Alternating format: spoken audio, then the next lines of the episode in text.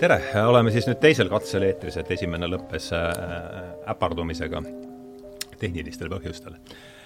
ja, ja eetris on siis, ähm, või teisel eetrikatsel on tähenduse teejuhtide saja viiekümne kolmes, saja viiekümne kolmas vestlusring äh, ja tere, ja siis on ikkagi ju suur rõõm tervitada kahte saatekülalist, tere tulemast, Kivi Silnik ja tere! tulemast äh, Robert Jürjendal et äh, ei ole kumbki esimest korda saates ja ja, ja saatel on siis ka oma eeslu-, eellugu, nii, ja eellugu on selline, et me, millal me pidime selle saate, me arutasime siin, kas võis olla jaanuaris-veebruaris millalgi või? enne ikka, enne kui tuli uus teema, teema peale, enne, enne vabariigi aastapäeva. jaa, kindlasti. jah, et pidime tegema siis saate, mis oli pühendatud artiklite triloogiale, mille kirjutas siis Charles Eisenstein Äh, läbiv teema oli, oli Covid. Ja aga nüüd on siis see Covid on tutsatud valumees, varumeeste pingile ja nüüd on ta nõuta näoga, nõuta näoga seal istub ja meil on aega siis mõelda, et mis see siis nüüd kõik, mis see siis kõik nüüd oli, mis meil siin kahe viimase aasta jooksul toimus, kui palju me sellest saame üldse rääkida. Mineviku vormis, on omaette küsimus aga kuivõrd praegu on see teema esikaantelt maas, siis eh, noh, loodetavasti on võimalik sellest natuke rahulikumalt äh, rääkida ja, ja tänase saate töö pealkiri ongi, et kuhu kadus äh,, kuhu kadus koroona ja, ja mis see, mis see kõik oli ja, ja, ja mis sellest kõik siis võiks nüüd edasi järeldada. Need on need küsimused, millega me täna siin tahame siis tegeleda ja, ja enne, kui ma annan sõnajärje üle saatekülalistele, loen ette ühe väikse katkendi Charles, Charles Eisensteini artiklist Fašism ja antikarneval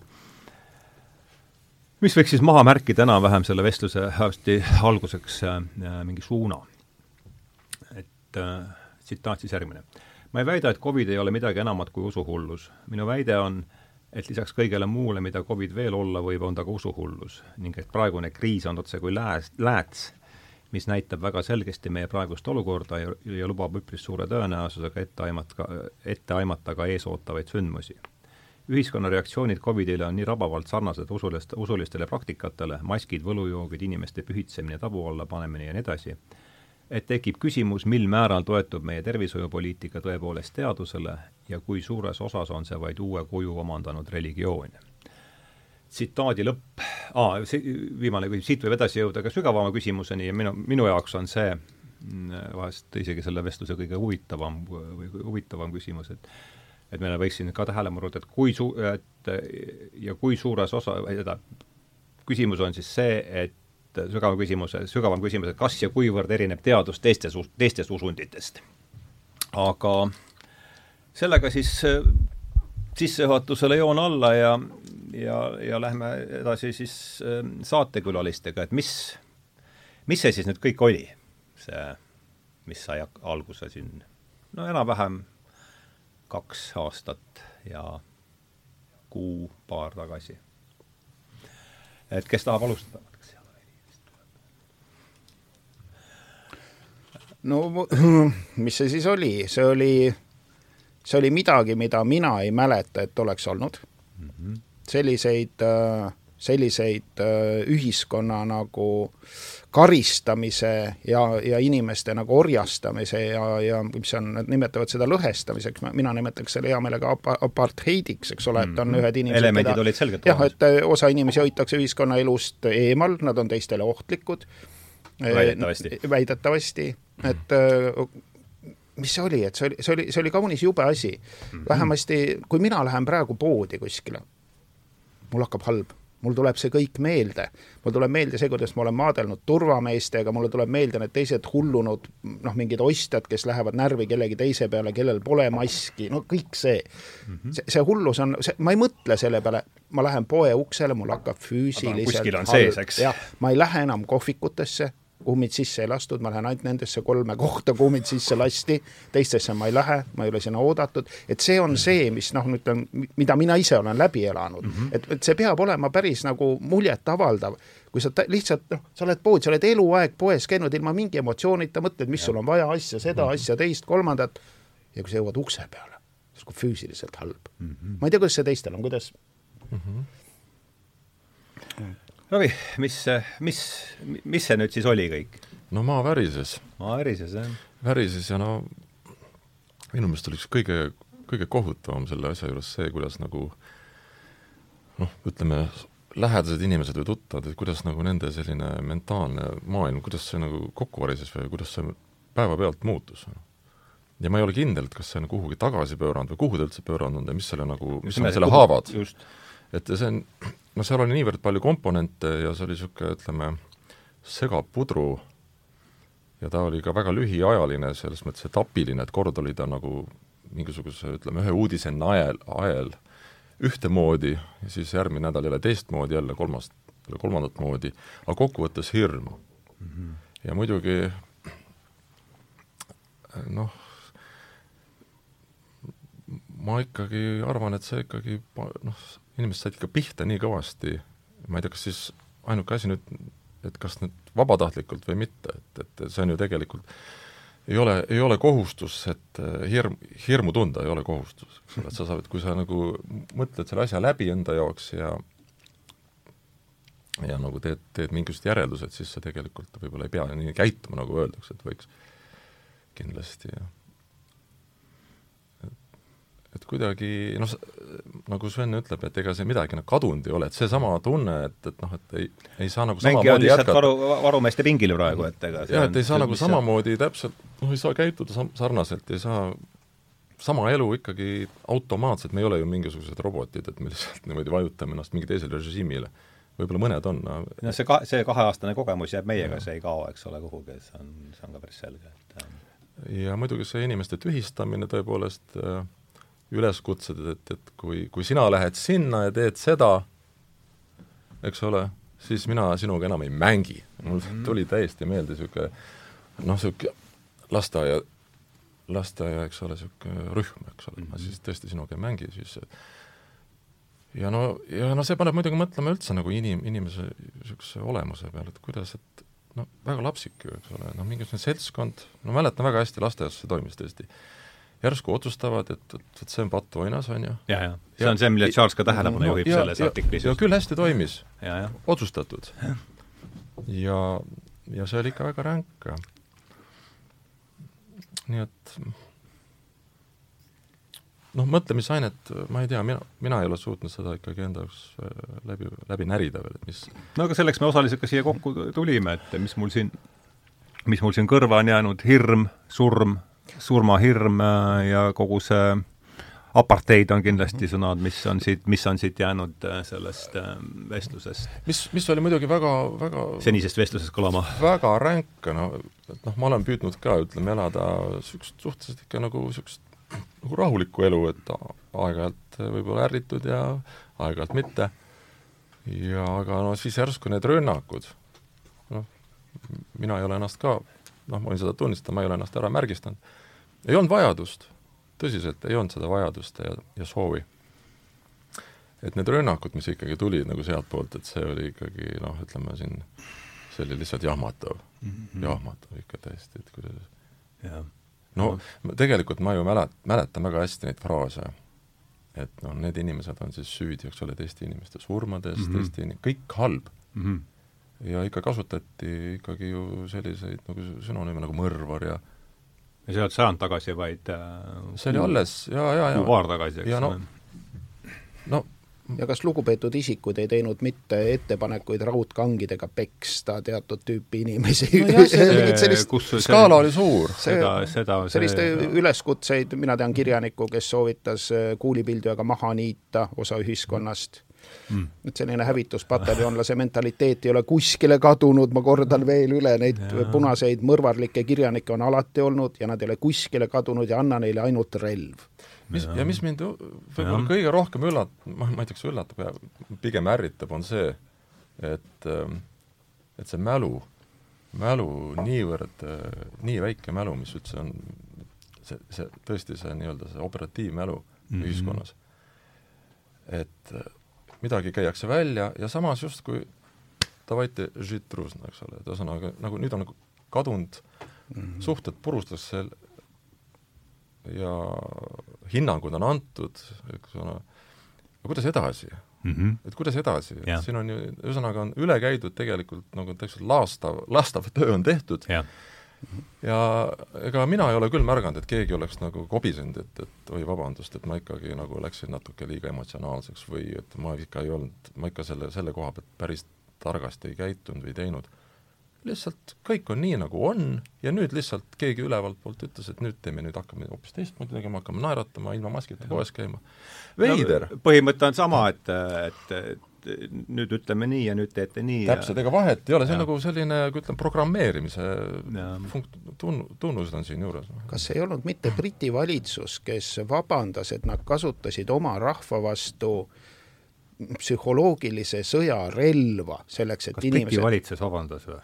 No, ma, ole... ma lasin, ma ei lugenud lugu, ma lasin pealkirjast nagu silmad kuskile üle. Ja mitu korda ma nägin seda pealkirja, et äh, ma arvan, et see oli Briti valitsus. Hmm.. no üks mingi valgete inimeste valitsus, see ei olnud Aafrikas ega kuskil noh, ida, idabloki sügavas nurgas Rumeenias. see oli mingi normaalne valge riik. Ja siis jah, vabandage väga, me kasutasime teie vastu relva. me kasutasime teie vastu psühholoogilise sõjarelva, et ennast süstiksite. jah, aga nii et saad aru, põhimõtteliselt sunniti sind relva ähvardusel süstima inimesi meil ju vallandati töölt, ma ei tea nüüd mõned kohtuasjad, enamus kohtuasju on ju praegu veninud, need ei ole mitte kuskile jõudnud.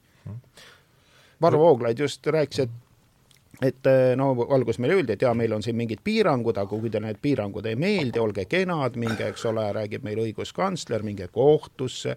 Ja tema siis läks kohtusse. Ja tulemus oli ainult see, et kohtus ei juhtunud mitte midagi peale selle, et talle noh, ta, ta sai maksta advokaadiarveid ja kohtust tuli üks paber, et noh, me nagu tegeleme. seitse kuud ei juhtunud mitte midagi, siis võeti piirangud maha ja kohtust tuli paber, et no kui piiranguid ei ole, meil pole ju midagi enam kohtus arutada. Et kas tahate ümber kvalifitseerida, no seal on mingi võimalus siis ilmselt kohtuasja kuidagi, nojah, et nagu õiguspärasust võiks ikka nagu kontrollida kas või tagantjärgi, mitte niimoodi, et noh, inimene on maha löödud, mis me enam maha maetud mm. -hmm. mis mõrva asja me siin kohtus arutame, pole ju laipagi enam, tuhastati. saad aru, see on ju sarnane loogika mm. -hmm. ja, ja siis äh, ja see ei jõudnud ikka, see kohtuasi ei jõudnud kuskile. ma olen ise käinud ühel maski kohtuasjal Pärnus, no kus inimene lihtsalt ei soovinud maski kanda, ootaski, kuni politsei tuleb kohale, üks daam mm. -hmm. et tal on vend, oli õnneks äh, advokaat ja siis seda kohtuasja oli võimalik äh, nagu noh, jälgida seal kohtusaalis, päris palju rahvast oli. ja ei, mitte midagi, mitte midagi ei juhtunud. et, et keegi ei, keegi ei tegele selles mõttes et, et mingit jah, reaalseid nagu vist, vist on ainult mõne politseiniku või, või, või, või sõjaväelase vallandamine on vist mm -hmm. nagu tühistatud. aga muu kahju aga muu kahju on ju tehtud. ma ütlen seda, et kui palju noh, ikkagi inimsuhteid on rikutud. et see on täielik katastroof ja nüüd me elame edasi, nagu poleks midagi juhtunud, täpselt sama nagu pärast kommunismi, pärast küüditamist, pärast mõrvamisi, pärast varade äravõtmisi, pärast inimeste noh, nagu igakülgset alandamist ja, ja, ja ühiskonnast väljaheitmist, noh nagu Kulaku poeg, eks ole, mis sa nüüd kuidagi imbusid ülikooli esimese kursuse lõpus välja, oma ema kursusel avastati keegi, kellel oli kahtlane sotsiaalne päritolu. ma ei tea, kas tal oli isa Saksa sõjaväes olnud või midagi sellist mm -hmm. ülikoolist välja. kui palju on selliseid kohutavaid lugusid? ja ei ole noh, et kui mõni metsavendade mõrvar vist on ja mõni küüditaja anti kohtu alla, mõni, aga sisuliselt me unustasime ju kommunismi ära. kommunismi kuriteod on ju unustatud. ja see oli viga noh, seda viga ei tohiks praegu korrata. seda viga ei tohi praegu korrata. noh, kommunismist oli lihtsam aru saada, inimesed tulid, hävituspataljon tuli püssidega, tappis, vägistas, põletas, röövis, no lihtne asi. aga praegu on asi keeruline, küsimus on viidud teadlaste tasandile mm. -hmm. aga me keegi siin pole ju viroloog aga me peame kuidagi elama viirustega, elasime enne seda viirust ja nagu näha, kõik on siin elus, kes on põdenud, kes ei ole, aga noh, nagu näha, kõik liiguvad kahel jalal ja tundub, et nagu silmavaade on selge ja, ja jutt on enam-vähem mm. -hmm. jah aga..., meil kanalil on üks, üks klipp, mille ma lõikasin üsna, üsna siis, kui see trall pihta hakkas, Peter Hitchensilt, üks ähm, Inglise poliitiline kommentaator ja tema, ta tõi minu arust väga hea kujundi, ähm, mis äh, võttis sellest Disney multifilmist, kus ma ei tea, kes see mingi Mikki paneb seal, paneb seal siis äh, luua äh,, loe, loeb luuale mingid sõnad peale, et see hakkaks tema eest koristama ja seal tal läheb midagi viltu ja siis läheb ämber ümber ja ta peaks sinna ära uppuma ja ta kogu selle vilda, vildakate nõiasõnade kätte sisuliselt ära uppuma ja siis ta toob näite, et noh, sisuliselt valitsused on teinud sedasama, et nad on võtnud hirmu appi seda, seda probleemi lahendama. Alguses, siis ma ei tea, mis äh,, mis seal parajasti vaja teha oli, neid lukustamismeetmeid toetama, aga nüüd see hirm elab äh,, elab, elab omasoodu ja ja on valitsuste kontrolli alt äh, vältinud, väljunud, et, et see tundub mulle olevat äh, võib-olla üks noh, mul on see siia, siiamaani tundub väga niisuguse adekvaatse võrdumine, et kuidas teile? siin on olnud hea võimalus tegelikult äh, nagu mõelda nende asjade üle, et kui ikkagi mm -hmm. ütleme noh, maailmas sellised, sellised sündmused toimuvad, siis tegelikult on, see on selline tunne nagu antakse, eks ole, inimkonnale mingisugune võimalus tegelikult mm. -hmm. jah. minu meelest ei ole seda ära kasutatud ja samamoodi no aega on ka veel vähe läinud, eks. tegelikult samamoodi praegu.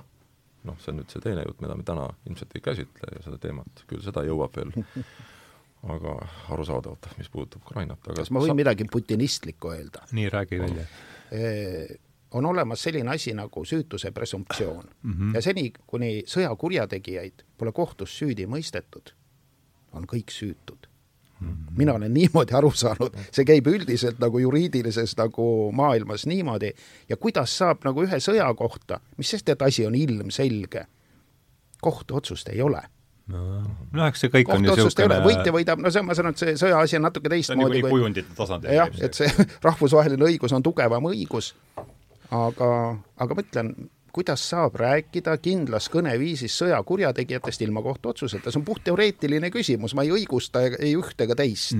muidugi on mul Ukraina rahvast kahju, aga, aga aga, aga ma ka imestan nagu seda, et järsku unustatakse ära üks juriidika nagu põhi, põhialuseid ilma kohtuotsuseta no aga kedagi see ei üllata, meil oli siin vahepeal apartheidirežiim sisuliselt, et eh, noh, see läks läbi nagu mhm. noh. ja see oli nagu täielik juriidiline absurd täielik juriidiline absurd, sinu põhiseaduslikud õigused, keegi ei tohi teha sinuga põhiseaduse järgi meditsiinilisi katseid ega allutada sind mingisugusele sundravile. mida, mis toimus? ja siis öeldakse, ei, meil ei ole mingit sundust, süsti ennast ära ja võid tööle tagasi minna vabalt seda räägib peaminister.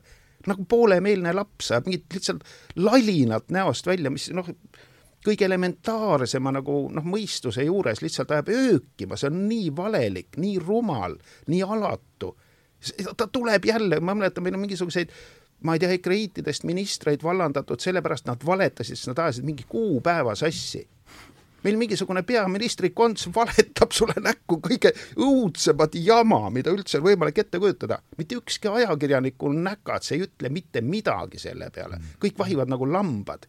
See on ikka meeletu, mis toimub nagu meedias, kui müüdav see on, kui reetlik see on, kui vaenulik see on, kui alatu see on ja kui loll see on. võtame millal, okei okay,, et noh, jah, surmahirm on tõsine asi, inimesed on, eks ole, nad ei usu surematut hinge, nad on teinud pattu isegi need, kes usuvad surematut hinge, teavad, et nad lähevad põrgusse, teised teavad, et kõik on läbi ja kardavad. õige, peategi kartma kui sul hinge, surematut hinge ei ole, värise lojus sul ei olegi mingit varianti. nii, selge. aga, aga kuna jah, me elame nagu sellist linnaelu, kaasaegset tsiviliseeritud linnaelu, vaest küll, aga, aga ikkagi noh, ikkagi linnaelu, kus noh, inimesed surevad haiglas, mitte oma kodus voodis. see on suur osa sellest. see on jah, et, et meil ikkagi, ikkagi me oleme surmast nagu kaugenenud, surm ei ole meie elu osa järelikult see tähendab seda, et me ei näe seda, nagu vanasti talus jah, me ei näe seda, me ei ole sellega harjunud, inimesed surid kodudes. me ei tea, mis see on ja selline kauge ja võõras asi on alati hirmsam kui, kui selline asi, millega sa iga päev kokku puutud või siis noh, nii sagedasti. et, et see asi, et, et meil ja üldse ei armastata surmast rääkida, on ebameeldiv teema, nagu, nagu ei oleks isegi viisakas. -hmm. no parem räägime mingisugusest noh, ilmast, aga et noh, keegi suri nüüd ära, noh, mis me seal ikka räägime, nagu kohus ütleb, pole ju enam millestki rääkida, inimene on maha maetud, mis me siin, mis me siin enam. et see, see üks asi, et noh, surm ei ole meie igapäevase elu osa ja järsku hakkavad üle maailma, üle maailma täiesti erinevate riikide, täiesti erinevad režiimid, täiesti erinevad arusaamad elust ühel ajal, ühesuguste ja. sõnadega, ühesuguse vaatenurga alt ajama ühte juttu kuidas on järsku kogu maailm kokku leppinud ühes, mitte milleski, nad ju tavaliselt proovivad mingit majanduslepingut, sõlmivad kakskümmend aastat, ei saa lepitud. nüüd on vaja sundsüstimises või maskides kokku ja, leppida. hetkega on kõik ja. kokku lepitud. kõik sõltumata kõik, režiimist. absoluutselt kõik toimib, hiinlased, venelased, ma ei tea, ilmselt, ilmselt võib-olla ka kuskil Aafrikas, eurooplased, ameeriklased, filipiinlased, kõik teevad üht ja sedasama. mida see tähendab? Kas ongi, et meil juba ongi nagu läinud see globaliseerumine ja, ja maailma varivalitsus nii võimsaks? see näitab seda, ilmingud no. on olemas, ilmingud on olemas no, selle peale maksab mõelda. siin me oleme sinuga olnud jah äh, alati eri meelt. alati eri meelt. aga me näeme selle... ilminguid. jah mm., ei seda küll ja me näeme fakte ühesuguseid, aga see, et kusagil noh, see, et kõik tegid ühel ajal ühte sama, see minu jaoks ikkagi ütleb seda, et ei ole mingit kusagil seal äh, Lincolni mälestussamba taga mingit varivalitsust, vaid see on lihtsalt mingi noh, miks nad mõne tõsise asjaga ei see, tee samasugust asja? Nad võtavad lambist haiguse, millel pole mitte mingisugust mõju ma, ma toon, toon näite tõeliselt ohtlikust haigusest. katk Eestis, tuhat seitsesada. või seesama dep-, või seesama depressiooniepideemia, mis meid ja. siin laastab praegu, nii et no meil on siin väga palju tegelikke laste IQ la, äh, langus mm. -hmm. ma olen näinud mingit uuringut, et kolmandik, noh, väiksed lapsed, eks ole, kes ei õpi nagu rääkima, kõne, kõnepuuded, IQ langused, katastroofilised mm. -hmm noh, rääkimata sellest, et Lauri Leesi ütleb, et see kaugõpe, eks ole, üle, üle võrgu on tõhusus, ma ei tea, kas ta oli kaheksa või üheksa protsenti tavalisest õppest, kaheksa-üheksa protsenti! See on mingi haridus või, nalja teete mulle või? miks ma ei peaks seda Leisit uskuma, on ta, mis ta on, aga ta on korralik pedagoog. et selliseid noh, katastroofe on nagu palju, aga lihtsalt ma tahan tulla selle päris haiguse juurde, mis tapab, mis on meil ajaloos olnud ja on tapnud, see oli katk, tuhat seitsesada Harjumaal suri kaheksakümmend kaks protsenti, tõstke käsi, viis sõrme, üks jääb järgi mm, -hmm. natuke vähem kui üks, otsast veel pöidla otsast läks ka seib maha mm. -hmm. et selles mõttes, et see oli haigus, mis oli julm ja, ja see noh, see oli noh, katk ongi tõsine haigus ja peale selle, enne seda oli ju veel olnud sõda ja mm, -hmm. ja ikaldus, et see tegi, noh, inimesed olid nõrgad, majandus oli vilets, kõik oli halvasti ja siis see katk tuli nagu sellise noh, nagu nõrga ühiskonna peale ja laastas selle. Mis siis meil juhtus esimestel katkuhooaegadel, liigsuremus oli ju null. aga kui vaktsineerima hakati, tekkis liigsurevus kolm tuhat inimest aastas. et see on nüüd asi, mille üle võiks igaüks natukene mõelda, et noh, mitte kuulata seda jõuramist, mida räägivad sulle ajakirjanikud, mingid ullikesed, poliitikud, järsku on kõik hakanud mulje jääma, kus on laibad, ma küsin, kus on laibad, aga me näeme tegelikke laipu, kui inimesed ei lasta haiglasse, ei lasta vähiravi teha, ei lasta mingeid reaalseid asju nagu liigeseid vahetada, sellepärast et tegeletakse mingi Covidiga mille, ma ei tea, surevus oli null koma null kuus protsenti või noh, midagi gripilaadset. me oleme terve elu elanud gripiga ja kellelgi ei ole tulnud turvamees kätega poes kallale. mitte kunagi ei ole seda juhtunud. ja samas korraldatakse elu nii, et surm hakkabki juhtuma. ja hakkabki juhtuma, aga juhtub sellepärast, et ei ravita päris haigusi juhtub sellepärast, et keegi ei saa minna ööklubisse, hüppab, hüppab aknast alla, nagu üks ajakirjanik lehes kirjutas, et tema sõber härra Paris kirjutas oma sõbrast, kes sooritas enesetapu, sest ta ei saanud enam minna ööklubisse, aga ööklubi oli tema elu mm. -hmm. tal ei olnudki enam elu, tema elu oli läbi, ta tapeti, saate aru, te tapsite selle tüübi ära lihtsalt lambist. Uh, no sa oled olnud ja ei, ma huviga kuulan, et selles ütle ka sekka midagi. ma ma olen mõelnud natuke teist, teistsuguste asjade peale, lihtsalt on aega olnud ja muidu võib-olla ei oleks mõelnud nii palju, aga et mis toimub.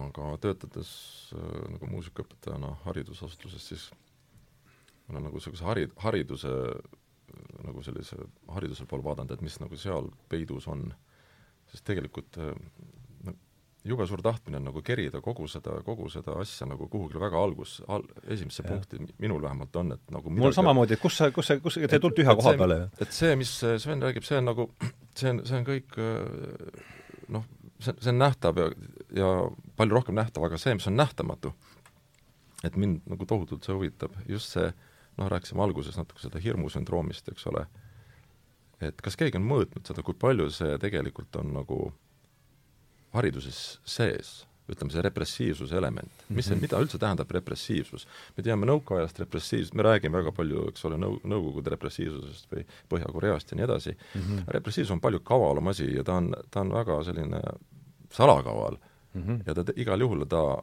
põhjustab hirmu ja hirmu sellist aistingut. ja mida see jälle põh-, põhjustab, eks ole, siin, siin noh, ei ole nii tark, et rääkida, aga aga ma arvan, et see on nagu väga-väga paljude hädade üks nagu selline käivitaja, eks ole, igasugused muud kompleksid ja ja muud asjad, mis inimesel tekivad ja kas ta on siis nurka surutud või vastupidi, tahab hoopis hakata kuidagi ennast teostama väga valel moel mm. -hmm. ja, ja, ja miks ma sellest räägin, just see ongi see, et tegelikult ta ajendab lõpuks, kui sa oled sellise paugu ikka saanud lapsepõlves, siis sa hakkad valesti mõtlema, sa hakkad valesti otsuseid sa mõtled praegu selle no just, üks mis tahes nii-öelda räägime sellisest noh, ütleme vallandunud noh, võib ju nimetada kriisiks või mitte, ükstapuha, mingisuguseks vallandunud, järsku vallandunud asjast, siis ütleme, normaalne inimene, kui ta on tasakaalukas inimene, siis ta tegelikult äh, ikkagi püüab jääda iseendaks selles olukorras, mitte nagu lennata kuhugi serva. aga kuna kuna sul, kui sul on nagu selline hirmu noh, no ütleme sellist lähtudes, hirmu, hirmu nagu sellist elemendist lähtudes tegutsemine, siis sa, siis sa, siis sa lihtsalt äh, hüpledki ja sul ei mhm. ole keskteed. ja kui sul ei ole ka, ütleme sellist noh, ütleme, ei ole religioosne inimene või kui sind nagu sellised vaimsed asjad ei huvita üldse, seda hullem mm. -hmm. kõik pudeneb ära ju mm. -hmm. ja nagu jutuks oli, et tõesti, no hommikust õhtuni, surma, surmajutt, eks ole, see koledus, kõik on nagu siin järsku mm. -hmm. ja üks asi veel, see virtuaalne maailm siis versus mittevirtuaalne mm. -hmm. et äh, siin on kaks asja minu meelest, et et no ma pean, toon natukene sisse nüüd seda, seda, mis Ukrainas toimub et meid tegelikult on ju meeletult ära harjutatud vägivallaga. meil on lihtsalt ära lüpstud ajud sellest teater, kunst, muusika, isegi muusika ja filmindus, kõik. rääkimata kõik muu, ühesõnaga see, juba see noh, filmide puhul ma ütleks isegi lausa, et see on nagu rituaalne tegevus, sest kui ma mõtlen, kuidas filmi tehakse, see on teatud asjade ju järjekordamine, eks ole, filmiplatsil see on rituaalne tegevus, see on süstemaatiline, sekventsiline tegevus mingi asja ja sa ei saa ju suvaliselt seal midagi teha, sa pead seda ikka endast nagu läbi laskma, mõtlema, mida sa üldse teed. ja nüüd mõ-, mõelge, kui palju seda, palju on seda sellist, ütleme seda vägivaldset, seda noh, fenomeni üldse õhus. meeletu hulk, mis ei, absoluutselt ei sega mitte ühtegi mingisugust äh, psühholoogi, kes lastega tegeleb. ja väga noh, rääkimata iga, igasugusest muust jamast nüüd, kui see asi on nagu virtuaalses maailmas, noh, ütleme noorele inimesele, see on nagu selline niivõrd lihtne niisugune võimalus ka osaleda seal, eks ole. ja ilma igasuguse tagajärjeta, lähed sööd, sööd, eks ole, võileiba või purksi, lähed sõpradega natukese ajaks jooksed õues, mängid palli, tuled tagasi, jätkad. paned, paned jälle mul oli selline tore, tore juhus ühe õpilasega lihtsalt mm. -hmm. seal muusikakoolis? jaa, kitarriõpilasega. tuli tundi, poiss ei saa mängida, näitab mulle sõrme, et tal on siin. et siin on pind mingi... sõrmes? ei, lihtsalt mingi pisike täpp, et siin on valus. jube halb, ma ei saa midagi teha, ütleb. siis ma ütlesin, no sa, et sa videomänge armastad või? jaa. et millised? noh, siis ta kirjeldas, on ju. Mhm. siis ma, siis ma poisile ütlesin, vaata poiss, et et sa nagu tundide viisi põmmutad, pilbastakas kõiki, on ju, sul on seal ekraanil veri lendab. et see, mis tegelikult ei ole päris, nüüd mõtle, räägime nüüd päris, ja nüüd on sul see pisike täpp siin selle sõrme otsas. Ja sa oled rivist väljas, vot see on nagu päris elu. Mm.. poiss mõtles, jäi vaikseks, mõtles ja ma, ma väga loodan, et tal oli nagu midagi mõiku sellest jutust. aga just see, just see, see päris elu ja mitte päris elu, pidev ärasegamine, segamine omavahel mm. -hmm. ja, ja seetõttu ka igasuguste otsuste langetamine ja mõtlemisvõime, see lihtsalt kahaneb lihtsalt nii, nii palju, et enam ei ole võimalik. praegu on ju, kõik ju pingutavad meele, meeleheitlikult, et kui, kuidas anda hinnanguid mingisugusele asjale.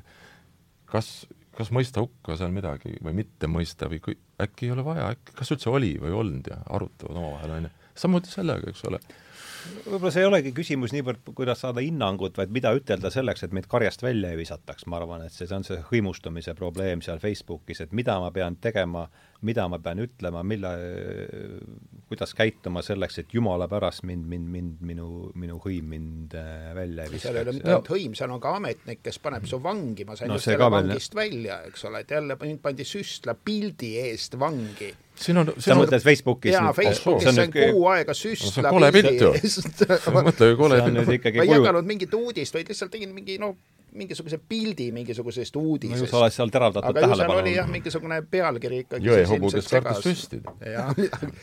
süstla pilt. ja siis, mida me üle oleme veel mõelnud, et see on nüüd nagu selle üksik, üksikisiku selline tasand ja see hirmu komponent, ma mõtlen, olen väga, väga palju mõelnud meie vormi kasutamisele. meie jah mm, -hmm. mind. tohutult häirib see. seda, et seda kasutatakse niivõrd meelevaldselt, suvaliselt. Mm -hmm. ja vastavalt sellele, millal on nagu kasulik kasutada, millal tuntakse ennast nagu justkui turvaliselt selles olukorras, et võib seda meie öelda, me oleme ju kogu aeg nii mõelnud, me oleme kogu aeg nii teinud, meil on ju nii, Mm -hmm. on ju, aga teatud olukorras, kus sa juba tajud, et sa oled ise seal pagana sees, Mm -hmm. sa oled nüüd ohustatud, siis enam seda ei kasutata.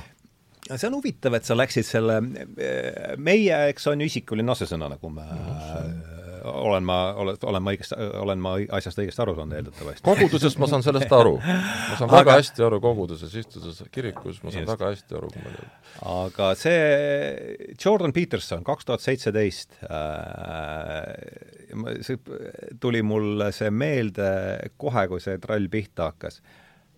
Kui Kanada senati komisjoni istungit vaat-, te võite, tsitaat oli see, et äh, te võite olla päris kindlad, et kui Kanada, Kanada senati komisjoni istungit vaatab kolmsada tuhat inimest, et siis on apokalüpsis lähedal. ja, ja no nii oligi. Ja seal Kanada senati komisjoni istungil räägiti isikulistest asesõnadest, mis äh, hoiak oli jälle seesama, et te hakkate praegu kasutama ne, ne, neid sõnu siis, kui me tahame, millal me tahame ja, ja, ja me surume teil need asesõnad see oli mingi uus keele see oli see uus keele asi, eks, kaks tuhat seitseteist, kaks tuhat üheksateist oli, no võttis seesama, võttis seesama püüdlus vähe teise äh, mässige ennast tsellofaani ja pange endale vastu. et see, see, see totalitaarne allhoovus seal all, nii jällegi see on see, kuidas mina seda asja tajun ja see ongi loomulikult vaid üks või viis asju tajuda, aga et see on seal all see mulle tundub see, aga- see, ma see ikkagi- juur ma-, juurpõhjus tahaks tuua ühe näite, kui, kui kiiresti on inimese nagu teadvus nagu muudetav mm. -hmm. see oli kunagi ammu, kui arvutid olid veel uued asjad. elasin äh, Tartus, oli vaja sõita nagu Tallinnasse, aga buss läks hästi vara ja sõbral oli, eks ole, korter kesklinnas ja tal oli arvuti, tavaliselt siis inimestel ei olnud veel kodus ja oli noh, mingi mäng. ütle, ütle aasta veel umbes. oi, ma ei tea, no, No mingi umbkaudu. mingi kaheksakümnendate lõpp, üheksakümnendate algus, mida, midagi sellist okei. okay. kuskil. Hästi ammu, väga eksootiline flopi oli ja, ja, ja ikka pehmed need asjad olid veel. ühesõnaga mingi, oli selline mäng siis, mille nimi oli, ma arvan, et Death Track. No mingi ühesõnaga, kus tuli sõita nagu mingil, no nagu rallirajal, aga autod olid relvastatud, sai panna miine ja kummipurustajaid ja lasta rakette ja kuulipildega teisi autosid. ja kuna nagu niisugune arvuti oli käepärast, sai mängida, eks ole, öö läbi siis mängisin, siis läksin bussi peale. no mis sa teed, eks ole, teised magavad, aga kui sa oled ikka arvuti, sai mängida, no tore. siis öö läbi mängisin, tulin bussi, jäin magama, siis lõin bussid silmad lahti, vaatan, ees on auto ja mõtlen, esimene mõte, miks ta ei lase saad aru, et selle, selle mingi ühe ööga oli su esimene refleks, kui auto on ees, tuleb tulistada, eks ole, selle silmad lahti, näed, keegi on, keegi on ees, auto on kohe sinu ees ja ta ei lase mm. -hmm. kui ruttu see käib nagu selle, et noh, selles virtuaalsuses annab sinuga teha asju, no mille peale sa nagu ise ei tulegi ja, ja kui, kui me elame ju tegelikult suurem osa oma elust nagu virtuaalsuses, no kõik need uudised tulevad meil ju hästi selekteeritud ja tsenseeritud keskkondadest, väga valitud, noh, mingisugused sõnumid väga valitud vaatenurga alt, järsku on hakatud rääkima mingisugusest surmavast haigusest, siis on hakatud rääkima sõjast, enne seda räägiti immigrantidest, enne seda räägiti homoabielust, kõik räägivad ainult ühte teemat kogu aeg mm -hmm. ja kõik noh, kõik lehed, mida sa tead, peale mõne väikse üksiku nurgataguse koha, räägivad ühe ühte sama euro sõnastusega, ühe sama vaatenurga alt, ühte ja sama Jah. sõnumit. Ja suurem osa läheb kaasa. me võime vaadata ERR-i see ei ole väga suur liialdus, mida see, mida Ei, no ma mõtlen, liialdus kindlasti väike, eks mitte päris ühes osas, aga, aga, aga nii see on numbri, räägime numbritest, räägime numbritest. ERR-i koduleheküljel on ikka veel alles see, kui palju on süstituid ja kui palju on teinud siis selle tõhustusdoosi mm. -hmm. süstituid on kuuskümmend neli protsenti ja selle täislaksu on siis teinud kolmkümmend neli protsenti. see näitab, kui palju inimesi on mõjutatavad täielikust mulast keda saab lihtsalt lolli jutuga panna endale mingisugust katsetamata ollust sisse süstima, mis tõenäoliselt on mürgine, nagu nüüd jälle selgub, jälle tulevad mingid Pfizeri andmed välja, mingi Ameerika kohus nõuab välja üheksakümmend protsenti kõrvalmõjusid, kolm protsenti surma. no ma ei tea, kui õiged need andmed on, eks ole, aga aga, aga nii see õiged, kui nad siin kõik praegu on. nojah, et mi- mingid andmed ikkagi on ja liigsuremus ikkagi on ja see on just nendes riikides, kus on noh, ütleme kolmkümmend protsenti, kakskümmend viis protsenti juba süstitud, juba on tekkinud liigsuremus. aga haiguse ajal ei tekkinud liigsuremust, seletage mulle välja. meie valitsuse seisukoht on kuum suvi jaanuaris, veebruaris, märtsis. Kuum suvi jaanuaris. kakskümmend kuus kraadi kuuma, siis surevad vanainimesed ära seal läks jah midagi sassi. jah, selline, selline seisukoht mind nagu ei rahulda, sest ma ei ole idioot. noh, noh, mind ääretult solvab, kuidas mulle valetatakse, et mind arvatakse, noh, vale võiks olla veidi intelligentsem, veidi elegantsem, seal võiks olla mingisugust vaimset võimekust nende valede taga. ei ole, seal on ainult toores jõud meie, kes on meedia, me valetame sulle ükskõik mida ja kuuskümmend neli protsenti siis, eks ole, teevad endale suraka ära eks ole, need jagunevad kaheks, see kuuskümmend neli protsenti jaguneb kaheks, ühed, kes lähevad kaasa nõrkusest, noh, ma tahan säilitada tööd, ma tahan saada kohviostuluba, on ju, kuidas ma ilma kohviostuloata ikka lasen väikse mürgi veeni mm. -hmm. pärast saan ju kohvi juua, võib-olla mitu aastat veel. see on hea äri. teised lollid, näed, peavad kodus jooma kohvi, aga ma lähen kohvikusse, ma olen inimkonna parem osa ja, ja siis no ega, ega nüüd paljud, paljud nendest süstijatest, keda ka mina tean, lõpuks ikkagi näevad, kuna abi sellest süstist ju ei olnud. abi ei olnud, see on fakt. seda, no sa ei saa ka niimoodi, ega me ei tea selles mõttes, et no. No. see, see, see, kuidas nemad ennast lohutavad, on see, et kui ma poleks süsti teinud, siis oleks, oleksin ma veel äh, tugevamalt põ- põdenud ja selle vastu Nojah, aga- sa ei saa, no me sa ei saa, oota, ma lõpetan, et sa ei saa, sa ei saa ei ühte ega teist viisi seda asja ju tõestada ma saan võrrelda kahte gruppi inimesi, neid, kes süstisid ja neid, kes ei süstinud.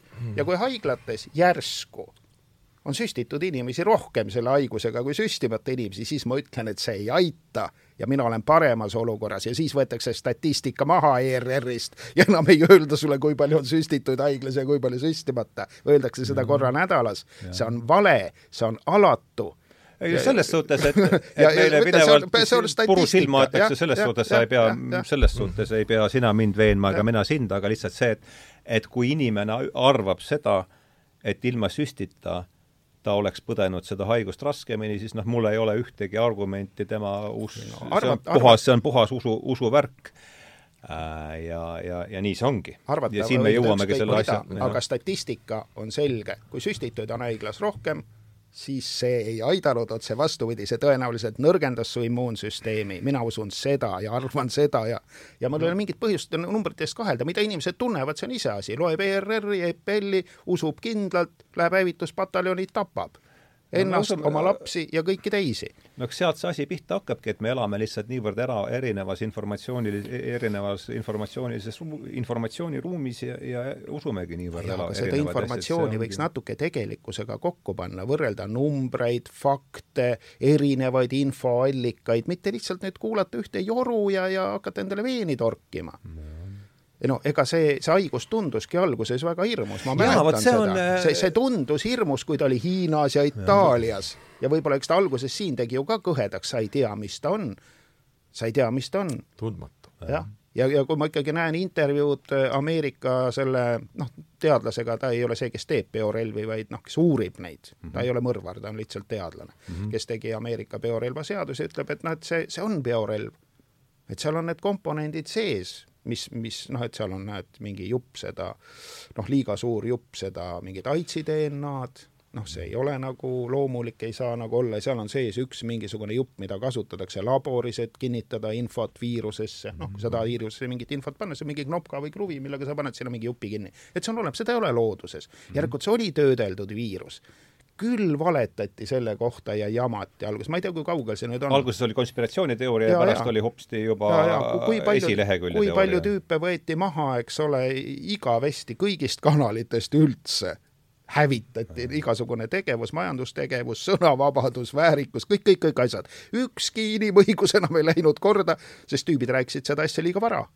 liiga vara et selles mõttes jah, seda viirust on moonutatud, mis selle moonutuse tagajärg nüüd on, kes seda täpselt oskab öelda, on ta nüüd halvem või parem, kui ta enne oli, võib-olla, võib-olla läks veel nõrgemaks. no, no. ei, ma mõtlen ikka selle, no jälle see meie, mind nagu tohutult häiritab see no sind häirib ikka see, mind häirib jälle see, no sellepärast, mind häirib veel see saa-vorm jälle, et ega see saa ka, aga just see, et näiteks, et noh, et ma no tõesti, ma nagu hindan sellist indiviidi, noh, oma ma ikkagi, mul on mingisugune ikkagi lootus, et inimene lihtsalt on võimeline mõtlema, võimeline ikkagi otsuseid tegema, võimeline mitte mingit, mingit, mingit jama korraldama. ja selles olukorras noh, need inimesed, kes siin on, on ridamisi väga hulle asju suust välja ajanud, noh, ütleme, nad ju esinevad ju rahval, eks ole üks asi on rääkida sõpradega kuskil, eks ole, istuda koos ja mõmiseda, aga kui sa ikkagi esined, sa oled esindusorgan, see on teine asi, sa, sa ju tegelikult, ja nüüd sa teed suu lahti ja sa hakkad midagi, mingit juttu rääkima, et ja, ja kui sa seal külvad mingisugust ikkagi jama, mis omakorda sünnitab ikkagi väga, väga palju probleeme, siis no küsimus on, mis siis, mis, mis, mis asi see on, et mis see meie on, et kes, kes need nagu räägivad, need meie et äh, kas nad sihilikult siis teevad seda või on seal mingi muu konks ja mina, mida mina välja ei suuda peilida, et milles asi on, kas see on mingisugune lihtsalt nagu refleks, see tegi, ma panen järgi, niisugune sõprade värk, eks ole, klubi värk, ma ei tea, aga sest et noh, siin haruharva lõpus muidugi hakkas tulema, kui panite tähele ka, hakkas tulema järsku nagu selliseid nagu isiklikke arvamusi oh ime, eks ole. pärast kahte aastat tulid no, esimesed isiklikud arvamused. ja siis loed isegi, eks ole, siin nii-öelda ametlikust meediast loed, vaatad, teed lahti, oh sa imed küll, analüüs, tead, vaata, mõt-, inimesed nagu analüüsid ja mõtlevad, loevad arve, panevad kokku ja aga no millise tohutu, tohutu hilinemisega. et see, mis tegelikult oleks võinud ju olla paralleelselt rahulikult äh, väldata, et kogu seda äh, meeletult. kohe oleks võinud ju hakata laipu lugema, mitte kahe aasta pärast, kas need on nii vähetähtsad asjad, et kaks aastat me ei, üldse ei süvene, suri keegi või ei? et äh, mis asi see on? ma tahan öelda selle meie vormi puhul ongi see, et mingi hetk on see ikkagi väga valus, noh, ei tasu, peab ikkagi tõmbama ikkagi noh, varju mm. -hmm. sest noh, minu, minu sõpruks on inimesed, kes, kes lihtsalt selleks, et ennast kaitsta, sa muidu lased ennast ära hävitada selle meie poolt mm, -hmm. kus sa lihtsalt oled niimoodi, jess, on ju kui sa tahad ennast kaitsta, tähendab seda, et sa võtad, tõmbad varju, otsid oma mingisuguse oma sõpruskonna või omad inimesed, kellega üldse saab maailma asjadest rääkida, olla, käid võib-olla nendel üritustel, kus ei ole selliseid repressiivseid, on võimalik, on võimalik, aga lihtsalt küsimus oli, on minu meelest see, et see nende inimeste hulk oli kuidagi ikkagi tundus väga väike. aga kui nüüd üritaks no, ürita... neli nojah, üritame kakskümmend kuus protsenti, jah. üritame nüüd meenutada seda, et alguses oli kõmm šokk, et mis see mm. nüüd siis on ja aga millal, millal nüüd teis tekkis, et selline, et ma mäletan, sina loopisid ka seda kaheksakümneprotsendilist suremusmäära siin no, alguses, mis mind pani kulmu kergitama ausalt öeldes no,. kui räägitakse ohtlikust haigusest, siis ma saan aru, et see on nii. aga et millal sa, millal sina selle mina sain aru siis, kui Eestis oli see esimene hooaeg läbi ja midagi ei olnud juhtunud. siis, siis oli selge okay siis oli selge, et tegelikult see kõik on mingisugune noh, kas, kas see viirus on nüüd, eks ole, muutnud oma vormi, et ta enam ei tööta nii tõhusalt või ta noh, kes teab, eks ole mm, -hmm. või oli ta rassipõhine, et ta töötab hiinlaste, kui ta Hiinas välja töötati, siis ta tõenäoliselt no ma olen kuulnud väga palju, et no igal pool on, eks ole, Ukrainaski olevat äh, laborid, biorelvalaborid ja mitte ainult äh, Putini propaganda kohaselt, vaid ka äh, Ameerika-Ukraina saatkonna kodulehel olevat need andmed olnud, aga siis sealt ära kadunud, kui putinistid hakkasid jõurama nende laborite kallal. -hmm. et, et neid laboreid tehakse igale pool maailmas, noh, kus saab teha, mitte tsiviliseeritud maailmas enam ei saa, no Kanadast, Ameerikast, noh, tuli ära lõpetada see mõrvategevus.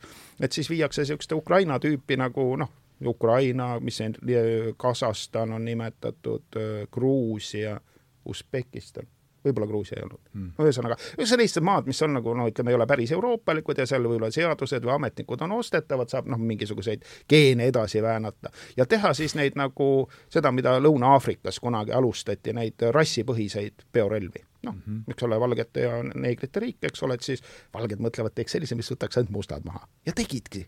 Kui kaugele nad jõudsid, ei tea, see riik hävitati, no seal ei ole enam midagi järgi, tilk veini tuleb veel. aga noh, tuumarelva ei ole ja midagi seal ei ole, eks ole, niisugune mm -hmm võsa vahel vaikselt majandavad. aga et see on vana projekt ja selliseid noh, nagu rass- ja rahvuspõhiseid relvi nad ilmselt joonistavad vaikselt edasi ja tänapäeva tehnikaga ilmselt siis edukamalt, et see võis olla Hiina, hiinlaste jaoks tehtud relv, mis noh, teistele ei hakka ju nii hästi peale. seal on väga palju muid faktoreid, miks viirus võib ühele inimesele peale panna, räägitakse sellest, et neid, kellel on suhkruhaigus, murrab see paremini, kes suitsetavad, murrab vähem on igasuguseid noh, erinevaid nagu tähelepanekuid selle asja kohta see tuletas mulle lugu ühest oma sõbrast, kes et äh, maga- äh,, väsis ära, maga-, magas lumehanges äh, pärast ur urmavat paljujõed, aga mask oli ikka niimoodi truult, truult ees niimoodi, silmini, nii. Et noh, see on täpselt see, et mis seal all oli, mille peale see, mille peale see, mille peale see asi siis tuli, et sa tahtsid lisada midagi. mil-, jah, seesama asi, et millal sul, millal, noh, selge, et vau, et mis see nüüd on. ja et millal sinul tundus, et oot-oot, et see nüüd ikkagi on samasugune lugu nagu kõik see, mida siin mis seal ikka, no suudad sa meenutada? ta läks nagu, ei ma, ta ei, pigem ikkagi asi läks minu jaoks aga järjest nagu hullemaks, noh, et ikkagi selles mõttes, et et kuni lõpuks sinnani välja, et süst on ikka armastus ja no siis tegelikult tõmbas ikka vaibu alt ära, siis ma mõtlesin, veel, veel see oli viimane pääste muideks, ma, ma mõtlesin, et ikkagi minu jaoks on armastus see ikkagi nagu ligemese noh, ligemesest nagu hoolimine või aru, mõistmine tema. aga see ongi, vaata, kui sa oma elust ei hooli, hooli ah. siis teiste elust no, ja süsti ometi ära. aga see on nagu valik, eks ole, valime nagu sul on nagu mitu asja, kas sa nagu, ühesõnaga räägid inimesega, hoiad või, või siis on siin on süstipilt ka, siis vajutan selle peal, valin selle, eks ole see on nagu see, see skaala, eks ole, muutus järsku jube väikseks, muutus ainult, tuli üks, üks element ainult sinna, süstipilt, on ju jah, aga see on, aga see on kõikide meie ennem oli, ennem oli päris suur skaala. kogu armatuurlaud tõmbab kokku üheks ainsaks numbriks, millel on pusk. ei no ennem ja oli ju kõik, kõik, kõik ükstaspuha, mis teema meil on, et lõpuks me oleme ikkagi, oleme olime ikkagi seal. kõik ju, eks ole, kirjandus, psühholoogia, kõik olid ju kõik ikkagi, valime neid kanaleid, ärme ikka seda räägime, mõtleme ikka nii, katsume ikka mõista mm, -hmm. räägime, saame kokku, arutame, on ju, järsku on ainult üks, üks embleem lihtsalt vot see on see, mis, ja siis ma mõtlesin, mul vajusid ikka käed rüppe, mõtlesin, et siit edasi minna ei ole võimalik mm. -hmm. kui see nüüd pikemalt kestab, et et noh, ma nüüd ei vastanud küll täpselt sellele, mida sa mõtlesid, aga noh, et see agoonia läks nagunii sinna välja lihtsalt, ma nägin, ta läheb järjest, järjest, järjest, järjest, järjest ja kuni no tõesti selle piirini, et kuni tuli, kuni tuli uus asi peale no, mis lihtsalt üks märk, et noh, pole enam valikuid lihtsalt, sul ei ole valikuid, sa oled kas väga halb, väga kuri mm, -hmm. või oled sa väga hea, väga tore, aktsepteeritud ja või noh, teatud mööndustega. ja mul oli, mul oli just sama asi, et, et noh, mis me alguses rääkisime, et nagu see, nagu see, ükskõik mis teema oli, suur, ütleme, korporatiivmeedia ja ametlikud äh, infokanalid panid kõik enam-vähem sõna-sõnalt ühte juttu ja juba see tekitas, et oot-oot, et see, see tõenäoliselt nüüd siin ikkagi ei pea olema viroloog, et ja. teada, et Delfi valetab. Alati, alati. Kui räägib, valetab, selge, rohkem sellega on jutt lõpetatud, nii kui see kari koos on hakanud uluma, tegemist on jõledusega ja põgene vastupidises suunas. jah, põhimõtteliselt oligi jah, see nii see ja, umbes oligi see minu, minu epistemoloogiline ma ei pea olema mingi immigratsiooniekspert, homoseksualismi ekspert ega viiruse ekspert, kui Delfi ulub, ma põgenen, ma ja. panen selle masina kinni või löön puruks, kui muu ei aita. muidugi üldse see noh, ma oma mõtetes jõudsin sinnani ka ikka, mõeldes selle kahekümne esimese sajandi peale küll, kuidas see, see hurraaga on mindud nagu noh, ikkagi kuidagi jõutud sinna, kui, kui tore on kõik, kui, kui arenenud me oleme kõik teadus ja aga siiski kui..., siiski mina tahan super. lohutada, ma, mul tuli meelde, mul läheb muidu meelest ära, ma nüüd arvutasin, ma lahutasin sajast protsendist kuuskümmend neli, see on siis see süstitute arv, kes on mm. läinud selle Delfi ja kolmkümmend, eh, jah, kolmkümmend kuus protsenti jääb järgi.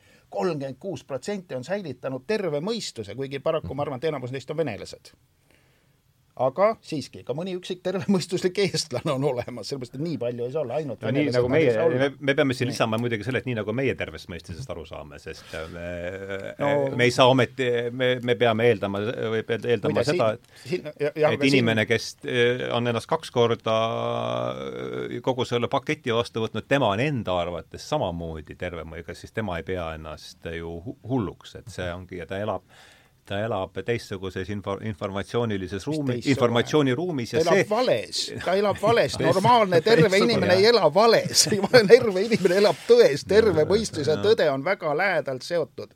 Vähemalt sa püüdled sinna. vähemalt sa püüdled sinnapoole. aga kui sa ikkagi nagu ilma pingutusi tegemata aheled vale mülkas ja iga järgmise vale võtad nagu kriitikavabalt omaks, eelmise vale unustad ära ja ei õpi sellest ja, midagi, siis see ei ole sul tervet mõistust, vaid sa oled lojus.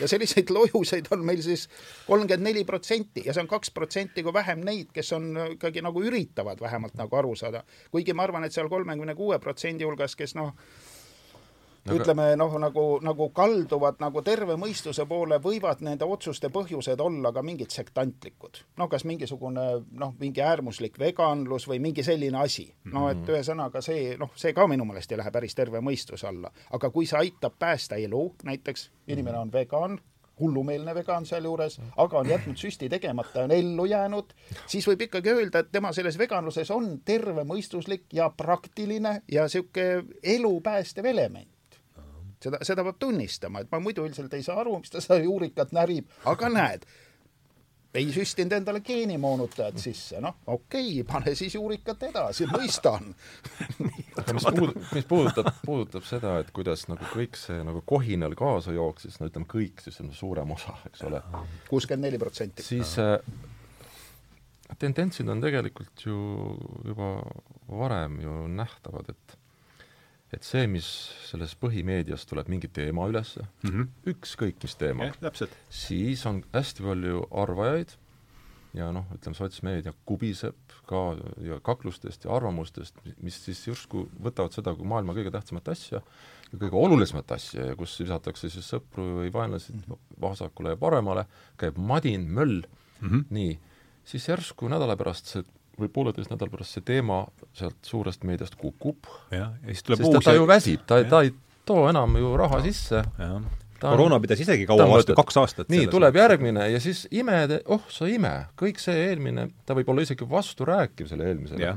Siis on kõik kohinal järgmise asja kallal. Ja, ja no siis käib samasugune jahumine. Mm. ja niimoodi ja kasvava kirglikkusega. kasvava kirglikkusega. Ja, ja minu, ma olen seda nüüd jälginud, see täpselt on niimoodi, ainult need, kõik need teemad on olnud nagu sellised suhteliselt sellised noh, lühiajalised mm -hmm. või noh, ütleme nad ja siis tuli see suur asi mm. -hmm. ja noh, vot see siis nüüd jäi pikaks aastateks, aga see võib veel tagasi tulla. jaa, ma tahaksin seda küsida, mis sa arvad, kas ta, kas nad püsi-, kas nad nüüd äh, puhuvad äh, raudpolt sügisel ta, uuesti asjale no praegu lihtsalt sisse või selle kuule, sul on kuuskümmend neli protsenti kliente, sa viskad toote minema või? Never, never, sul on orjad konksu otsas Robin, mis sa arvad? väga, väga inimlik on kõige see päike, suvi tuleb, eks ole, puhkused, puhkused, puhkust ajal ununeb inimestel kõik mure, eks ole. Nad on täis, sellepärast nad on silmini täis, neile pole mõtet rääkida. aga päriselt äh, hiljuti mm -hmm. endalgi on jäänud kõrva see praami peal, see umbes, et kuhu, mis me teeme, kus me lähme. ah, peaasi, et saaks kohe täis tõmmata, on ju, mingi fir-, noh, firma puhkus. lihtsalt mis tähendab, see tähendab sisuliselt see, et mind ei huvita maailm, mind ei huvita mitte miski. sa tahad sellest maailmast pääseda ja nüüd on see minema. võimalus, nüüd ma saan kuuks ajaks koomasse. aga mõtlemisvõimet sa kahjuks ei tõsta ega arenda ega mitte midagi ja peale seda on väga suur pohmakas ja siis on süütunne ja hirm, et mis nüüd äkki jäi midagi sotsmeediast märkamata vahepeal ja igast, igast palju jama on sellega magasin mürgisüsti maha või? aga mis, mis ma mõtlesin, mis kogu, mis on kogu selle, kogu selle, kogu selle jama nagu rohuks tegelikult olnud võimalik üks väga, väga lihtne, aga jällegi vaimset pingutust nõudev vahi on see meditatsioon, lõdvestus. püüda ikkagi rahuneda maha. ja kui oleks, ütleme, päevas kord selline võimalus, et inimene võtaks no võib-olla viisteist minutit on palju, viis minutit. kas või viis. aga puhas piiritus. kus sa tõesti kus sa tõesti, mõte on selles, et sa ei mõtle tõesti mitte millelegi. sa püüad nullseisundi saavutada. selleks, et sa lihtsalt noh, tõmbaks natuke puhtaks korraks, ma olen täitsa kindel, et peale seda tulevad teistsugused jutud ja otsused mm. -hmm. ja täiesti teis-, maailm hakkab muutuma järk-järgult. ta läheb sinna tasakaalukuse poole mm -hmm. ja mingisugune ütleme, paranemine hakkab toimuma, aga see võtab ju aega. Lõpuks on vaja ju seda pikendada, viiest minutist ei pii-, piisa loomulikult, see tähendab ka seda asja, probleeme on palju teatavasti. Ja mure, muret on palju, aga kui, kui sa seda nagu eirad, seal on mitu sellist äh, no aga mis mure on, see tuleb ju Delfist, ega sul, sa ei tea ju, mis sul viga on ja mis ja, maailmal viga on, kui sa, kui kampaania algab. siin on loogika, loogika, loogika küsimus. kui inimene on stressis ja pinges, siis tema võime panna tähele ümbritsevat. Kahaneb väga, ta ainult elutähtsad mingi piirkonnad jätab, umbes niimoodi söök-jook ja paar asja veel, tema võime üldse panna asju tähele, mis, mis üldse ümber toimub ja võrrelda need omavahel ja nii edasi, see, see praegu muutub varsti olematuks, mida rohkem ta nagu stressi ja pinges selle. Eriti veel, kui meil see surma, stress stressiks, siin nii. oli juttu ikka surmahirmust ja. ju seal si võimendatud kujul. tsiilid ja konnad surevad ära, sa ise sured ära, see on ikka tõsine asi. kui me nüüd seda, ütleme, usume, sel-, seda fakti minu meelest, siis, siis äh, siis, siis siit tuleb järeldus, et aga millised otsused tulevad siis inimestel, millised seisukohavõtud ja millised tegevused järgnevad nendele kõikide otsustele. no siis ongi asi metsas lihtsalt no kui ümberringi on maskita tüübid, kes tahavad sind tappa, sa pead ju ennast kaitsma ja. hanguga, kirvega, Facebookiga, kõigega. Need vaesed maskikesed ju, need rippusid lõua ja niimoodi lihtsalt otsas ja paljudel vaatasin turvatöötajatel seal see on võlumask. aga ta mõjus muidugi hästi ikkagi. No, mis sa mõtled? ei noh, jah et, et ütleme, turvatöötajatelgi siin noh, lihtsalt rippus kusagil see. ei no mine lihtsalt sellise külmema ilmega välja, kus hingeõhk on näha, pane mask ette ja sa näed, kust see nagu haur tuleb, see ei tule läbi maski, see tuleb maski kõrvalt, tuleb õhk aga seal kõrval on sul poole sentimeetrised praod, et kui sul no, on, on ju... kahesentimeetrine viirus, siis see mask peab kinni küll, aga kui see on nagu sentimeetrine, siis võib-olla tuleb juba läbi. see peab olema siili suurune viirus, siis see mask peab kinni küll aga kas kas mitte ju lõpuks isegi ei muutunud see retoorika sinnani, et, et jah, et okei okay,, sellest ei olegi kasu, aga see näitab meelsust ja see on nagu pioneerikaela rätik. ja, ja, ja, ja, ja nagu meil oma vanal ajal kontrolliti, et kas on kalts kaelas või ei ole, siis nüüd, nüüd on see on, ees see on ja, väline tunnus õigeuskliku, see on, sul on rist kaelas ja, või sul on, on mingisugune jah, see on õigeusklik, see on õigeuskliku väline tunnus ja noh, kuidas te... purka kallal vanati, vanasti vinguti ja siis panid kõik purka ette. see oli täiesti, see on, see on kõik, mitte keegi ja. seda enam ei mäletanud. kuule, Eestis oli ju seadus, et avalikel, avalikes kohtades ei tohi maski kanda, vaata vahepeal need mingid, mitte, no neid ei nimetatud terroristideks, need olid need vasakmäratsejad, kes globalistlikel üritustel noh, süütepudeleid loopisid ja tänavakive, neid olid alati kott peas. siis keelati maski kandmine ära, ega seadust ei ole keegi Eestis ka tühistanud, see on alles. sa ei tohi üldse välja minna selle närakaga. üks jaburamaid asju, mis üks üks, ütleme, üks jaburamaid selliseid teadussaavutusi, mis oli minu meelest, oli see, kui te mäletate, see ühesõnaga te-, arutelu, minu meelest teadlaste arutelu selle kohta, et mask ei kaitse mm. -hmm. ja siis sellele järgnev teaduslik saavutus, et kaitseb kui lühikese ajaga, kus see tehti see teadus arenes vahepeal. see arenes paari kuuga see arenes päris kiiresti. et saadi teada, et need osakesed ikkagi ei läbi. Need on kasvanud. siit ei tule läbi. ei tule kahekümne esimene sajand. siiamaani kuidas need osakesed ninast sisse mahuvad, ma küsin? siiamaani on neid maske kasutatud ja, ja nii või teisiti, et kuidas sai üldse selline jultunud vaheetapp seal olla, et öeldi, et nagu ei, ei kaitse, eks ole et see tekitas no ega, ega teadus ongi selline asi, et see teadus on olnud alati ühesugune ja, ja teaduse sees pole kunagi olnud vastuolusid, kõik teadlased on alati läbi aegade olnud ühesugustel seisukohtadel. kui nad ei ole pseudo- ja kes ei ole olnud ühede, ühtedel ja samadel seisukohtadel, need on pseudoteadlased. reeturid, ketserid ja üldse lollpead. olete tähele pannud seda, et mhm. kõik teadusuudised ja kõik, mis on sellega nagu seotud, enamasti on ju looritatud sellisesse muhedasse, tohe, toredasse sellisesse, kuidas öelda, positiivsesse võtmesse.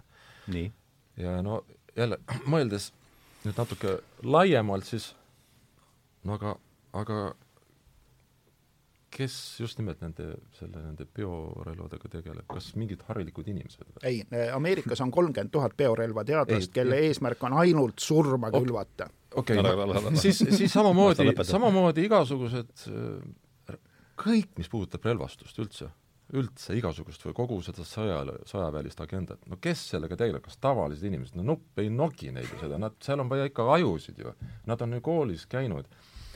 Ja mis see eesmärk on ju?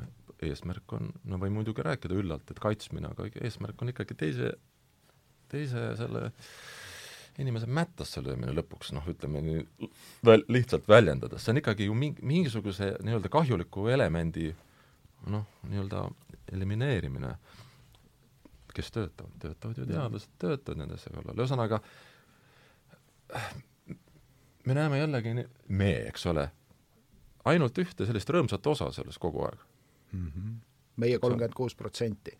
no kõik need meie, meie kuuskümmend neli protsenti. kõik need National Geographicu mingisugused need sellised sarjad ja kõik, oi kui põnev, kui tore, kui vahva. aga tegelikult, kui sa lähed selle kaameraga natuke teise kohta, kuhu võib-olla ei lasta sisse, aga salaja, siis oh, sa hirmu, ei olegi enam põnev ja tore, vaid see on juba asi on juba eksistentsialistlik. aga mis te siis ikkagi arvate, et kas nüüd, kas sügisel läheb see saag uuesti käima või ma olen täiesti kindel, et üritatakse? mina arvan, et läheb. mina arvan, arvad, et, et läheb ka või? kindlasti läheb ta läheb Nad ei, nad ei jäta, nad ei jäta. no kuule, see on nii suur raha esiteks, teiseks see töötab, surmahirm ei ole kuskile kadunud, inimesed on nii lambad, nad on nii sodiks tambitud tõmba jälle Delfis kampaania käima ja ma ei tea, sa arvad, et äh, selles, selles me tunduvad olevat ühel meelel, et üritatakse ja arvad, et läheb käima ka? ta läheb kiiremini, sellepärast et nüüd on kõik teada. muide juba kõik klahvi, klahv on teada, kuhu vajutada. ega vaikselt on juba kuulda, et tuleb tegelikult üks palju hullem haigus. tead see, mis äh, mingisugune palavik, et silmadest ja kõrvadest hakkab verd jooksma, niisugune hirmus, niisugune sarsi tüüpi, selline haigus tuleb kohe. Ja juba testitakse selle vaktsiini ja mingi vandenõuteoreetikust arstitädi rääkis, et seda vaktsiini, noh, et kuna see ongi niisugune haigus või võib-olla ongi nagu ohtlikum, no mhm. võib-olla seal võtab, ma ei tea, kakskümmend protsenti maha või midagi mine tea, võib-olla võtabki. aga ta niikuinii ei levi hästi, põhimõtteliselt ta levib umbes kehamahladega nagu aits, et noh mm, -hmm. sa pead ikka hirmsasti vaeva nagu väljaheiteid manustama või kuskile auku toppima midagi, et noh, see nakkus nagu kuidagi kuskilt kätte saada. no sa pead pingutama, et see mhm. kuradi veri kõrvust välja voolaks, see, see niisama nagu köha, köhanohu, noh, niisugune piisknakkusega ei, just nagu ei leviks. aga et vaktsiin on selle vastu juba väljatöötamisel ja saavad need mitte mina ei saa, sina ei saa, saavad need, kellel on need eelmised vaktsiinid tehtud. ustavatele on see ainult. sa oled tutvunud materjalidega? ustavatele on see, ustavate elud päästetakse, kolmkümmend kuus protsenti peavad surema. nii, Robbie, mis sina arvad, kas läheb, läheb, läheb käima sügisel või? just, jah, tulevad ikka variatsioonid kindlasti, aga eks ta läheb jah, kahjuks mm -hmm. vist, et äh, kuidagi kuule, hirmus omikron tuli, hirmus India tüvi tuli, neid hirmsaid tüvesid tuli iga nädal kaks tükki ja need tapsid kõik ära, mäletad? Miks ma seda jälle tuleb. miks ma seda, miks ma seda niimoodi arvan ka, on see, et lihtsalt ma räägin just see, et just see inimene ei ole muutunud, noh, selles mõttes, kui ta ei ole muutunud, siis järelikult on tõenäosus, et see kõik kordub jälle seesama. aga noh, see võimalus, et äh, nagu panna nagu stopp-nupu peale ja tõesti neid asjad nagu läbi mõelda rohkem. Ja, ja üldse, kas me saame samamoodi edasi elada täpselt sellises olukorras, kui läheb, tekib, eks ole, ei saa ütleme tegelikult, aga noh, ei, tahaks ju samamoodi, eks ole, seal kontserdil käia ja, ja nii edasi, kuigi õhku ei saa peale ja nii edasi. aga mul oli isegi vahepeal selline mõte käis läbi, et okei okay,, kui see on tõsine värk, no aga teeme, võtame siis kõik seda selles mõttes tõsiselt, et ärme siis teeme mingisuguseid noh, ma ei tea, ärme siis reisi nii meeletult ja käi ja filmifesti-, võib-olla filmifestival jätaks ka ära. aga võtamegi siis nagu, võtame nagu teis-, vaatame seda natuke, natuke distantsilt, et mis värk on. seda kirikusse ei või et... minna, muuseumisse ei või minna, kus on kaks inimest võib-olla korraga. mis minu jaoks oli kõige kohutavam minu meelest oli selle asja juures see, et näo tegemine, et midagi ei ole ju meie elus muutunud, me lihtsalt paneme maski ette ja paneme, näitame passporti ja ja, ja kõik läheb elu edasi täpselt nagu ta on olnud, aga kullakesed, see ei ole see elu. Ja, ja huvitaval kombel Need ei ole enam need kombel mõne inimese jaoks see on, on nagu seesama elu. ja teatud inimeste jaoks ei ole see mitte ja. mingil juhul sama elu, vaid see on täielik muutumine, eks ole no ma arvan, et siin me jõuamegi selle asja mm, tüve, tüvi probleemini, et mis me siis lõpuks oleme, et kas me oleme nagu mingid arvutiliidesed, kes käivad endale siis kuue kuu tagant uut tarkvara laadimas või raha oleme, eest, võõra raha eest no see veel aga sinna. raha eest ikkagi. või oleme me siis ikkagi midagi, midagi arvutist põhimõtteliselt erinevat, et minu arvates see on see jah, kas me oleme programmeeritavad? kuuskümmend neli protsenti on programmeeritavad, see on nüüd tõestatud eksperimentaalselt see ei ole vandenõuteooria, kuuskümmend neli protsenti on programmeeritavad, kolmkümmend kuus ei ole ja, ja, ja veel osa nendest, see kolmkümmend neli protsenti on kinnismõttelised, fundamentaalsed, äärmuslikud, sektantlikud süstijad sealjuures ja allujad ja orjad. nojah, nii. Tsitaadi lõpp fakt, selline on ERR-i koduleheküljel üleval numbrid, kui te mind ei usu, mina olen vandenõuteoreetik, vaadake ERR-i, seal on mingid kommunistid, neil on ka alati õigus olnud. Robbie rääkis. ei, ma ikka, ei no, no ma ikka mõtlen, et noh, kahekümne esimene sajand, no see ikkagi no pettumus ikkagi selles, kogu selles inim, inimkonnas on ikka no minu meelest küll väga esimene suur. maailmasõda oli pettumus, teine oli pettumus, kolmas mulle tundub, et see kolmas tuleb ka pettumus. kolmas pettumus. mulle tundub, et see kolmas pettumus on alanud tegelikult. seesama kaksteist märts kaks tuhat kakskümmend oligi kolmanda pettumuse, kolmanda pettumuse algus, et see ja see pettumus nüüd kogub siin, Ukraina pettumus on äh, osa suurest äh, no, kolmandast tekib küsimus, pettumusest. et kes sa sihuke oled, et sa siin niimoodi julged pettuda, eks ole. ah, seda küll jah, ja täpselt, et mine õnnelik ole, eks ole, vaata, meil on kõik asjad. ma arvan, et teine asi on see, et meil tõsisem probleem on ikkagi ees, et äh, kuna, eks ole, sealt äh, sõjapiirkonnast ei tule vilja, ei tule väetisi, ja seetõttu ma arvan, et see ei lähe käima toidu, tegelikult. toidu, noh, vaata, haigus võib-olla ei tapa eks ole, haigus ei tapa kõike. nälg tapab kõike. See on väga tõhus asi ja kui see on õnnestunud käima tõmmata, no tule taevas appi, mis siis tuleb. Seetõttu ma arvan ka, et see ei lähe enam, et see saag enam käima ei lähe, aga siin on tulemas uued, nüüd on selle taga selle kaheaastase mm, tsükli. No, gigantse tsükli tagajärjed hakkavad mina arvan, nüüd vaikselt. uued asjad, aga Jah. seda kuldset klassikat köetakse ka ikka edasi. seda ikka kindlasti üritatakse, raskus, ras-, korraga ei saa jah mitut asja, aga aga, aga jah, toiduprobleem äh, on, on tõenäoliselt see, mis no eks hakkab ta tekitab, eks ole, nälg tekitab ju omakorda veel haigusele juurde, eks ole. rida uusi seni, noh, seni nägematu probleeme, mida me lihtsalt noh, noh, eks see nagu see tuhat seitsesada katk, eks ole, sõda ja nälg ja siis veel haigus. millegipärast nad käivad käes, käsikäes jah. Need on neli apokalüpsilist ratsanikku, mis nad olid, eks ole, katk, nälg, sõda ja siis noh, kokkuvõttes surm. Et tundub, et need elemendid praegu nagu on, on, on õhus ja, ja kristlased on nagu piibliga väga hea vastu pead panna sulle. Jah. tolmab. no ega seal midagi vastu, vastu vaielda on ka nagu imelik. ei ole, ei tule nälga, ei ole haigust, ei ole sõda. no aga piiblis on. mis, mis teeb muidugi kurvaks, on see, et, et noh, ma ei tea, kas sa oled mõelnud kirjandusinimesena selle, selle, selle peale, et kõik need teemad, mis praegu nagu, mille ümber see maailm siin jahub, ja jällegi see kogu see agressiivne madin ja kõik, et sellele, nüüd järgneb ju jällegi ri-, lõputult palju kõike sedasama luulet, raamatuid, romaane, teatrit, filmi, vestlusõhtuid, kohtumisi, seesama asi kõik kestab, seesama vana maailm, mis meil on, sealt, ma, ma tahan öelda seda, et see kahekümne esimene sajand, ta ei too nagu mitte midagi sisuliselt uut, ei too inim-, absoluutselt see kõik seesama, need paksud romaanid tulevad jälle sellest, kõik nendest hädadest ja kuidas me ikka leidsime lahendusi, kuidas me ei leidnud, kuidas me võitlesime, kuidas me kaotasime ja nii edasi ja nii edasi.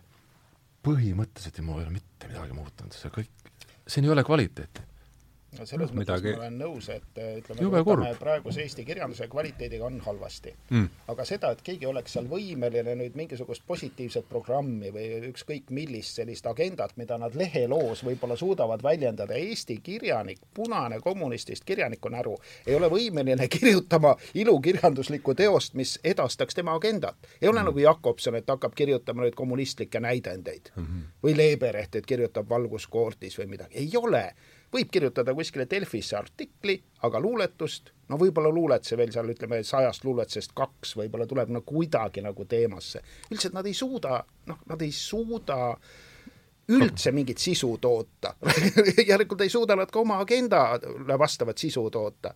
võimed puuduvad, näiteks käside oskust, nagu oli vanakooli kommunistidel, et võtsid kätte, kirjutasidki kolhoosi elust romaani või tehasest või sõjast või partisanidest, null Mm. Mina, ma ei tea, mul ei, tule nagu üldse pähe selliseid globalistlikke, anaalsotsialistlikke teoseid tänapäeval, noh. noh, mingisuguseid armetuid üksikuid mingeid virvendusi, no on, on üritanud teha, näha, et on mustand, on märkmed ei ole teoseid. Ja kui need teosed on, pange mõte lauale, loen, rõõmuga, vaatan, ahah, vaata kui alla käinud lurjus, aga ei ole, isegi seda ei ole, lihtsalt on üks närune käkerdaja, kes ei suuda romaanigi kokku kirjutada no, parot, et, et, et jah, kvaliteedi selle puudumise mõttes ma olen nõus, aga, aga seda, et nad suudaksid oma poliitilist agendat kunstiliselt edasi anda, filmis seda tehakse, näiteks Hollywoodis väga hästi. vaata telesarju, üks homoseksuaal ajab teist taga ja sageli nad ei ole valgenahalised, see on igal pool ühtemoodi. aga, aga noh, näiteks meil noh, sellist, mina ei tea ühtegi neegri, neegri homoseksuaalide romaani. ma ei tea, no öelge mulle, kui on siis noh Eesti kirjanduses? ei ole, kus siis on sellise no, romaanisari, kus peategelaseks on homoseksualistid ja neegrid ja muud vähemused. praegu olen mina vähemus, mina olen kolmekümne kuue protsendi hulgas. Kirjutage minust romaane, mul on ju ka õigused, ma olen ju vähemlane, vähemustel olid ju vanasti õigused, mulle räägiti, Soros ise ütles, vähemusel on õigused. see ei ole õige vähemus. ma mõtlen no üldse, mõtlen üldse need teemad, et kas et tundub, et me ei, ei ole nagu valikut palju, et noh, lihtsalt äh, millest üleüldse kirjutada, rääkida nüüd lähiaastatel jälle ja ilmselt pikaks ajaks, et ei saa lahti sellest mitte kuidagi ja ühel, ühel, ühel sisse nagu istutatud põhjusel, et kannatuse fenomen lihtsalt, see on lihtsalt meie küljes ja nüüd kuidas me selle, kuidas me sellega tegelikult nüüd hakkama saame palju kannatusega? kannatuse olemusega, et mm, -hmm. et kui palju ta nüüd loomingus, mida ta nüüd hakkab sealt, kui palju ta annab ka tarkust välja andma või mm -hmm. selle najal, et eda-, edaspidiseks eluks üldse siin maa peal teistele teadmiseks või et et seal on mingi võimalus, et kuidagi selle kaudu saab võib-olla ikkagi ka kannatust vähendada. et noh, miinimumini peab, miinimum peab jätma ilmselt, sest see ei olegi võimalik äh, ilmselt seda ja ei olegi ilmselt selle maailma loomisel olnud üldse vist mõttes, et seda ära ka kaotada, et vist inimese juurde ta kuulub mm. -hmm. aga lihtsalt see proportsioon, et kohati ta läheb nii ülepeakaela, et teda läheb ikka liiga palju ja ise tekitad nagu järjest juurde ja, ja siis lõpuks noh, ma ütlesin ka, et tõesti need kõik see, kõik need allikad, mis hakkavad sellest lõputult küll sõja, küll haiguse, haiguste ja muude no siia võib panna ka siis migratsiooni ja kõike näljahädad ja kõik selle teemal et see valgub ju kõik sinna meediasse mm. -hmm. ja me räägime sellest ja kogu aeg nagu sööme sedasama asja, toodame juurde, toodame veel valefakte, lisainformatsiooni, jällegi sööme, jälle tarbime seda, veeretame edasi, kirjutame uusi esseesid, uusi raamatuid, uusi, teeme uusi näidendeid. et vot seal on nagu see, see koht, kus ma räägin, et mingisugune viis minutit, kümme minutit võiks tulla abiks äkki. jah, natuke, jah et no ei oska muud nõu anda siin tõesti, see on niivõrd, siin, siin ei aita haridus ka, sest paljud harit-, haritud toredad pead ajavad niisugust imelikku juttu ka vahel ju. nagu see, mida siin on kaks aastat mängitud, see tuleb ju otseõpikutest mingis määral niikuinii, et mitu ülikooli läbi käinud ja kõikvõimalikud distsipliinid aga vaata, kui oleks käinud, mis ta siis räägiks? mis ta veel siis räägiks? Selle peale maksame sa nagu süstiga, et vaata, kui ei oleks teinud, võib-olla teil halvemini läinud, kui ei oleks seal punases ülikoolis käinud, mis siis võib-olla üldse ja ei teagi seda no, vastust. vot siin ma tulen, siin ma jällegi kerin jällegi tagasi selle, just selle ikkagi selle lap-, kogu selle lapsepõlve nagu kõik see kogetu üle, lapsepõlves kogetu üle, et et seesama mittemõõdetav repressiivsus, mis on ühiskonnas, ta on nii salakavalalt ma olen ikkagi mõnede õpetajatega rääkinud, nad ikka annab, annavad mulle teada, et praegu asi on ikka kohati hullem kui nõukaajal, muidugi noh, see kulub meeletult palju aega, et sinna nagu saada üldse nagu aru, millest jutt käib. aga see on peidus see on peidus selles see on mõttes. jah nii ja naa, mingis mõttes on hullem, mingis mõttes muidugi pole ligi repressiivsus kui selline, ütleme, no võib ju küsida, ma ei tea, ke-, ke-, kedagi see ei huvita loomulikult, aga nagu, nagu neid küsitlusi tehakse kõige muu jama peale, võib küsida, küsige lihtsalt noortelt inimeselt, kui palju te nagu nädalas hirmu tunnete koolis olles mm? -hmm. väga huvitav oleks teada saada. ja, ja siis saab, ja kui palju sellest on põhja, täiesti põhjendamatu. aga kust see tuleb? Järelikult on meil mingisugune kontingent, kes teab seda justkui ja kasutab seda ära, sest et kui sul on tüübid, kes tunnevad hirmu, no sa saad ju teda paremini ju mm, -hmm. sa saad igal juhul teda ju paremini lükata, tõmmata, noh. kui see, kes on lihtsalt rõõmus niimoodi, no mis, kes noh, tead, võtab nagu naljana kõike, no see on üks pilt, mis on mulle niimoodi jäänud kuidagi kõva kettale, see oli pärast seda kohe, kui hakkas nüüd see uus Ukrai-, kolmanda pettumuse uus, kolmanda pettumuse siis uus variant, see oli pilt mingilt äh, sõjavastaselt demonstratsioonilt Moskvast, kus kaks urjadni-, kaks maskides urjadnikut äh, tirisid minema maskis siis äh, rahu pooldajad. maskis. no kes oli see... ka maskis, jah. ja vot see kuidagi ühisosa? see võttis kuidagi kokku minu jaoks kogu selle kaheaastase kogemuse, mis sa alguses ka rääkisid, üle maailma, kõik igal pool oli reaktsioon ühesugune.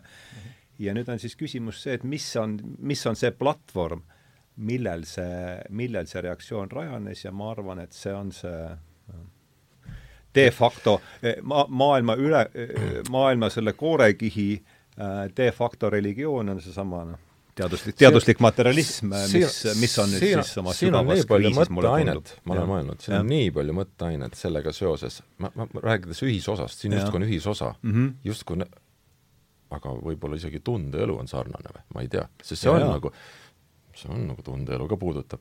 no ja siit, ütleme, muusikuna ma mõtlen selle peale, et aga kaks vastasleeri, eks ole, nad äkki kuulavad sama muusikat, käivad samadel kontsertidel. jab-, jube jabur tegelikult ja siis mõned, mõned mõtlevad, ah mis sellest on siis, inimestele meeldib muusika, okei okay., mis sellest on. kui me oleme nõus, et muusika on tundeelu osa mm, -hmm.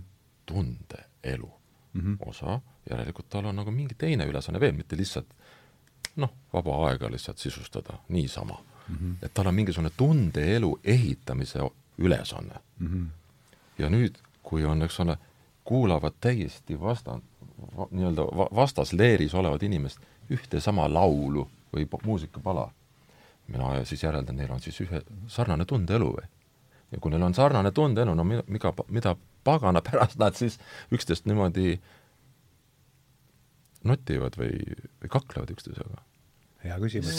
skisofreeniline olukord täiesti no,. see, ja ma arvan, see on ja, see ju, see on, ja see skisofreeniline või, või see, et lõpuks on ikkagi, ma arvan, seal all on seesama mingi äh, vaimuhaigus, mille peal kogu see siin on üks, äh, minu jaoks on ainult üks vastus siin, see, et see kõik on nii, esiteks väga ähmane, mida keegi ei tea täpselt vastust, et et seal on veel mingi metafüüsiline osa, mida me ei suuda sõnastada mm, -hmm. ei suuda üldse seda kuhugi paigutada ja see metafüüsiline osa on päästev osa mm, -hmm. lahendav osa ja tema toimetab ise mm. -hmm. meie, ta ei küsi meie käest, ta mm -hmm. toimetab ja ta, ta valib selleks toimetamiseks täiesti jaburad vormid, just nimelt, et üks on ühel pool kaevikut, teine teisel pool kaevikut mm. -hmm. ta toimetab sarnaselt nende mõlemaga, sest ilmselt ei ole kummagil päris nagu asi korras mm. -hmm. selles mõttes, et kuskil on niimoodi, kuskil on ikka see veel see, see võimalus nagu nii-öelda veel üks võimalus.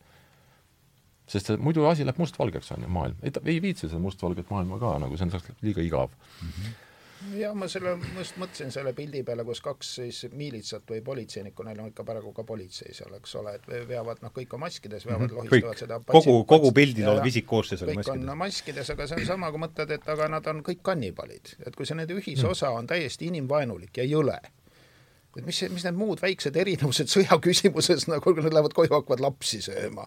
üks sööb kongis last, talle serveeritakse seal riigi poolt sihuke odavam laps ja teised lähevad siis koju, saavad kallima lapse ära süüa. no tule taevas appi, see on ju jõledus nii või teisiti. see on palju hullem kui see, et üks teise ära lohistab. mis nad enne ja pärast teevad hmm.. see on õudne see on õudne, et noh, see ühisosa, kas see ühisosa on nagu nüüd okei okay või, või, või või on ta ikkagi noh, midagi kohutavat, et mulle praegu tundub, et see ühisosa on nagu mõistuse vastaselt nagu õudne. Mm.. no noh, samas mõelda, et üks kannibal teist peksab, siis vähemalt noh, üks sai asja eest no.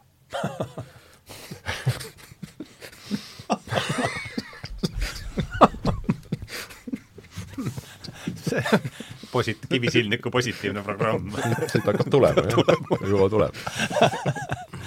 ja aga neid selliseid jah, metafüüsilisi hetki on palju siin elus ja noh, see tegelikult on see, mille nimel tasub elada üldse.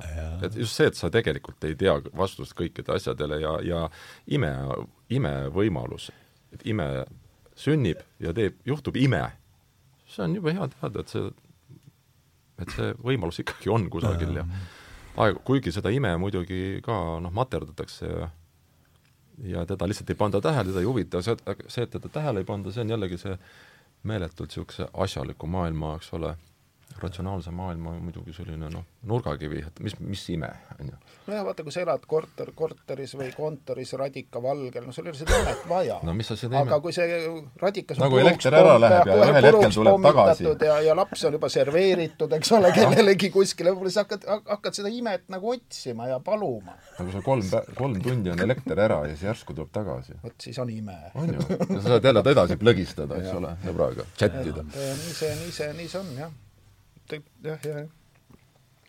et ega, ega, ega imet ei ole tarvis, kui teda ei ole tarvis. see ime on ju tegelikult, no ma, ma vist, ma ei tea, kas ma, nüüd ma võin korrata ennast, aga mis siis ikka, hea, hea lugu, head lugu võib ikka rääkida, nagu head anekdooti sellest et äh, kunagi kloostri aidas istusime Jaak Johansoni, Johansoniga koos ja seal üks tuva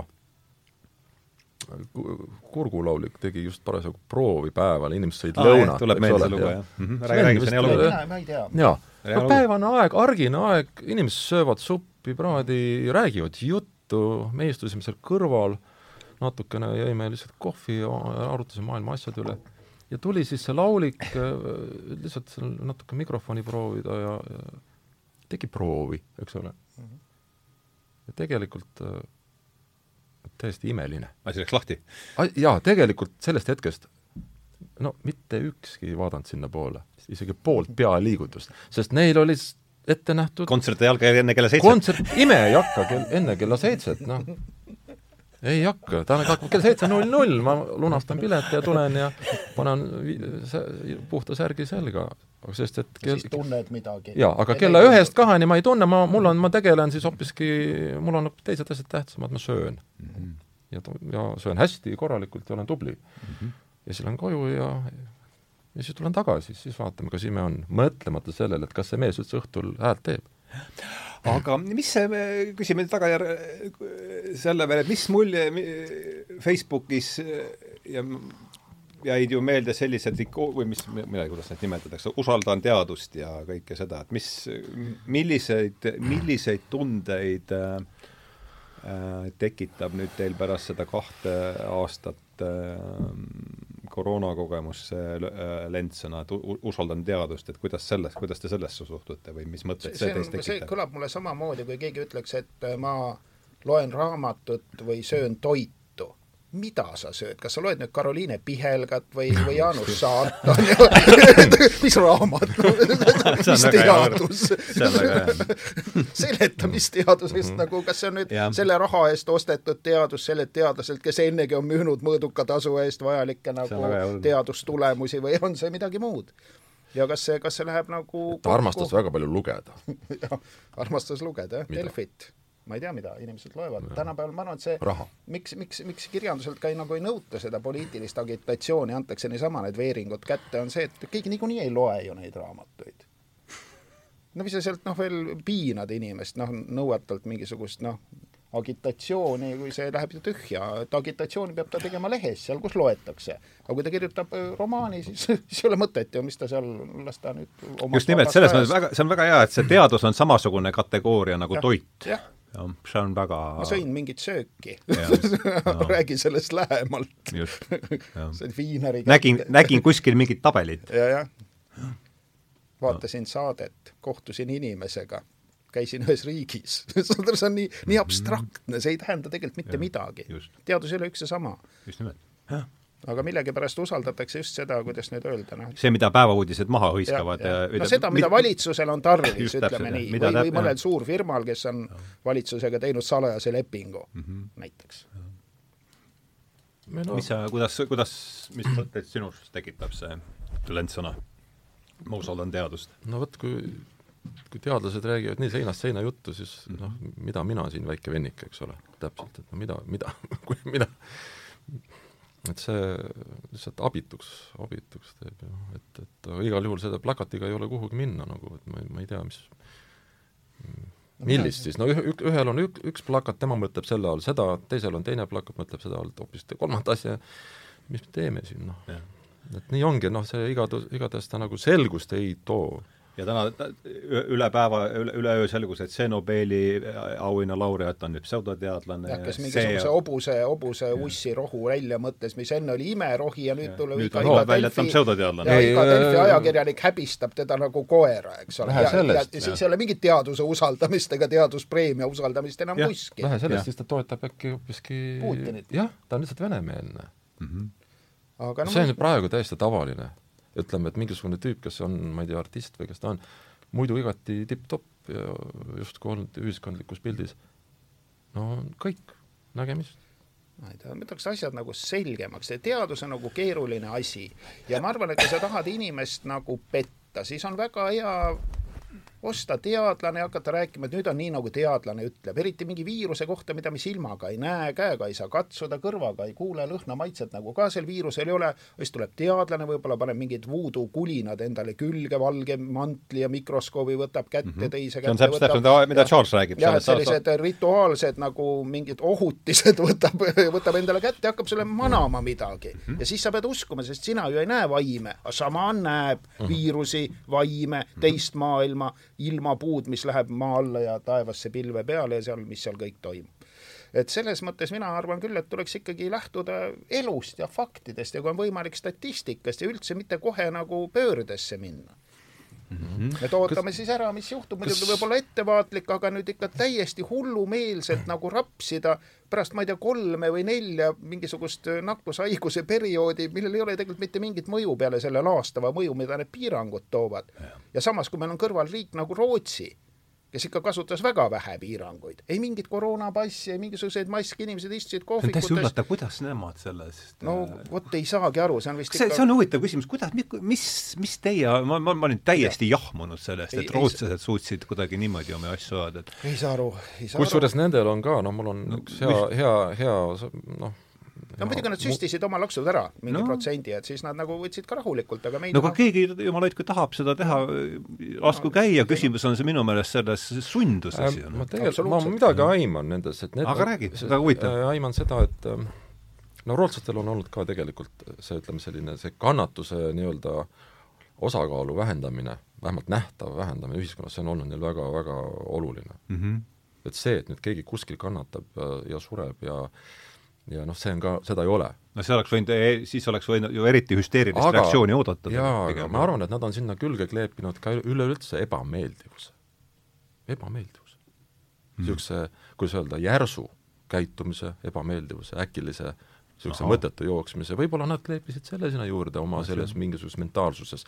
Nad panid selle sinna juurde sest tegelikult ja tundub tõesti väga ebaloogiline, eks ole. ei no aga no neil ju mingi spetsialist kõrval Soome läks ju täiesti pööraseks. no karjaimmuunsusest, no hakati rääkima karjaimmuun-, see oli nagu teine teaduslik seisukoht, üks ütles, et mask aitab, teine ütles, et karjaimmuunsus aitab, kaks teadust, noh mm -hmm., üks usaldas ühte, teine teist, eks ole, oligi nii. Ja meie lugesi- võti... ja me lugesime lehest siis, millist teadust me parajasti peame ja, nüüd usaldama, eks ole. meile kirjutati, et see on õige teadus, mis meil on, aga, aga Rootsis ega see suremus ei olnud ju halvem, nad olid Euroopas ikkagi selle noh, nagu vähem surnud riik riikide hulgas, mitte seal kuskil üleval otsas mm. -hmm. et selles mõttes jälle ongi hea, kui tehakse nagu eksperimente. Sellepärast mulle meeldib sõda ka. Mm.. muidu ostetakse ära, aetakse mingit juttu, need on pahad, need on nõrgad, need on lollid. okei okay,, lööge näod üles ja vaatame pärast, kellel nägu lapik on, see on loll, see on tark. noh, ei ole mingit teooriat, noh, marksistidel oli vähemalt üks õige seisukoht, praktika on tõe kriteerium, mida sa jahud oma demokraatiast, noh. on pomm, anna pommiga, ei ole pommi, ole vait. Väga lihtne, miks kogu aeg lehte lugeda, mis siin on, viie aasta pärast vaatan, kes võitis ja kes siis nagu, mis seal siis sai. Ja no, no. mina olen patsifist ja mina sinna sõdima ei lähe, seda ma ütlen kohe välja, tehke minuga, mis tahate, mina ei lähe sõtta. ei taha ja ei lähe. võite kõik minna, mina teid hukka ei mõista, aga mina ei lähe. vot ei lähe sõtta. kuigi ma lasen teist paremini kõigist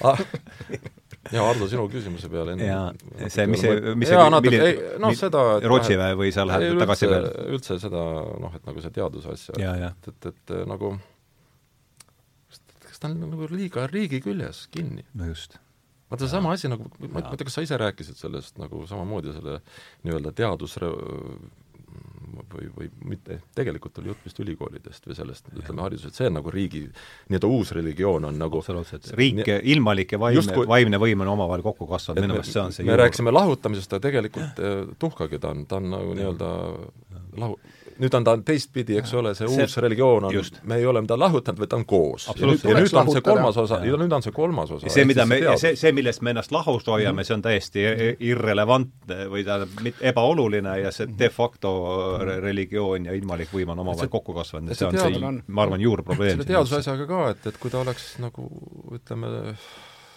selg-, selgemini noh, nagu sellest riigi asjandusest nagu kuidagi eraldiseisev, eks ole, siis, siis ta oleks kuidagi käsitletav, aga kui ta, ta on, kui ta on nii, niivõrd selles poliitikas ja kõiges selles päeva selles jamas sees, siis mm -hmm. ja ta on ikkagi niimoodi noh, nagu juhised on antud, noh, ütleme. ja ma arvan, tellimus on antud. tellimus on antud, tellimus on antud, antakse raha tellimuse täitmiseks, tellimus täidetakse, inimesed surevad. ja see tekitab äh, sellist ebakindlust, ei ole ja ma arvan, et see, mis siin nüüd kaks aastat on kestnud, ongi sellesama, sellesama elukorralduse kriis, mida me selle, selle läbi kasvanud ja siis äh, korpuse, korp-, korpuse kriis, kus ühel pool on siis sama ilmalik lõpuks on ikkagi, mida paremini on eraldi, noh, selles heas mõttes asjad eraldi mm. -hmm. ütleme, et sa ei tegele nagu kõigega läbisegi ja surra täiesti nagu sellist mingisugust koogel-moogelit tekita seal.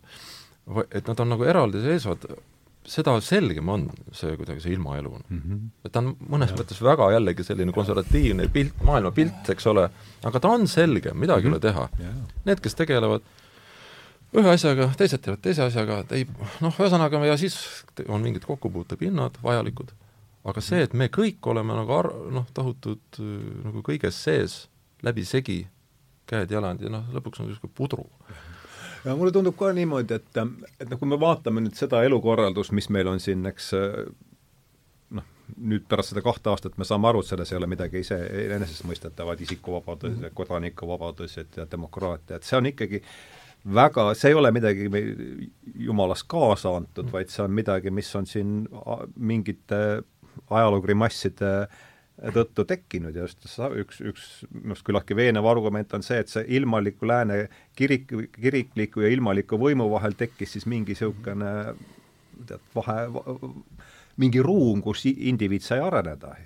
ja nüüd, kus kui see argument on õige, et ilmalik ja, ja, ja, ja kiriklik, de facto kiriklik võim, teadus, siis on kokku kasvanud, siis see siis see, siis see ruum kaob ja selle, noh, see hiljutine apartheidirežiim on minu arvates selle üks ähm, ma loen seda märki niimoodi, et see pole jällegi teistele kohustuslik, aga, aga hävasti mina, mina mõtestan seda nii ja oleks huvitav kuulda, mis teie sellest mõtte, mõttest arvate. et see, et see totalitaarsete sünd-, totalitaarsete suundumuste taga ongi see, see on see, kus need totalitaarsed su-, suundumused äh, pihta No hakkavad ütleme, et tegelikult, keiser ja paavst on üheks saanud. nojah, aga totalitarism on ikkagi ju ainult vahend. mina kujutan teoorias Noh. ette, et on nagu valgustatud totalitarism. No nagu valgustatud monarh, tahab teha head, harib talupoegi. Friedrich Suur ole, näiteks, ütleme kohe võtta siukest. et e- ega totalitarism ei pea ju iseendast olema ainult halb, aga Jah. mulle tundub, et see totalitarism mm, -hmm. mis meil praegu on käsil, on kuri, satanistlik ja sõna otseses mõttes bioloogilise elu vastane mm. -hmm. et ta teeb kõike selleks, et inimesi siin planeedil oleks vähem ja ega ta ei varjagi seda. Nad ju räägivad depopularis-, depopulatsioonist. liiga palju inimesi on planeedil, siilid, konnad surevad ära, loodus kannatab, inimene on planeedi viirus. Me oleme teinud head tööd vaktsiinidega, see vähendab planeedil elanikkonda viisteist protsenti. Bill Gates lahtise tekstiga, videos ise olen korduvalt näinud, kõik jagasid seda vahepeal. Mm.. et mulle tundub, et, et see noh, no kool on, sa rääkisid ka koolis, ka no kool ju peabki kuigi palju totalitaarne olema. koolil on mingi eesmärk mm. -hmm. vanasti oli see niimoodi, et sealt pidi saama mingid oskused, no mingid teadmised ja, ja ütleme veel kuidagi sotsialiseerima, mingid väärtused mm. -hmm. aga nüüd tundub, et neid teadmisi ja oskusi, need pole enam nagu kuigi tähtsad. kogu õhk läheb selle nagu vile peale või nende Sõna- sõna- väärtuste sõnakuul- peale. sõnakuulelikkuse peale. kui, kui meil ikkagi ülikoolid on nii kaugel, et äh, pooled Eesti üliõpilased on kirjaoskamatud. mis teadust ma, kus ma neid kirjaoskamatuid teadlasi usaldan siis? stepp-tantsu ja peeretustega nagu väljendavad oma viiruse seisukohti mulle või? see on absurd, need on kirjaoskamatud Need ei ole üldse lähedaselgi kujul mingisugused teadlased, nende võimed on üldse null. kui ta ei oska lugeda, ta ei saa aru, mis kirjas on, kus ta veel mingist viirusest aru saab. ta ei saa ju Delfitki loetud, ta peab kuulama seda artiklit. Ja siis on ka pool jääb hämaraks aga, aga et, et totalitarism on ilmne, totalitarism on ilmne, selle vastu ei ja. saa vaielda ja kõige kummalisem on see, et selliste valeliku õilsa mölaga iga kurjategija leiab ju oma mõrvadele põhjenduse. no ta oli vana inimene, oleks isegi ära surnud ja noh, keegi oleks ta ikka maha löönud, eks ole, ja noh, ega ma ei mäleta ka, kas just mina lõin või nii, igasuguseid, no ikkagi oli vaja.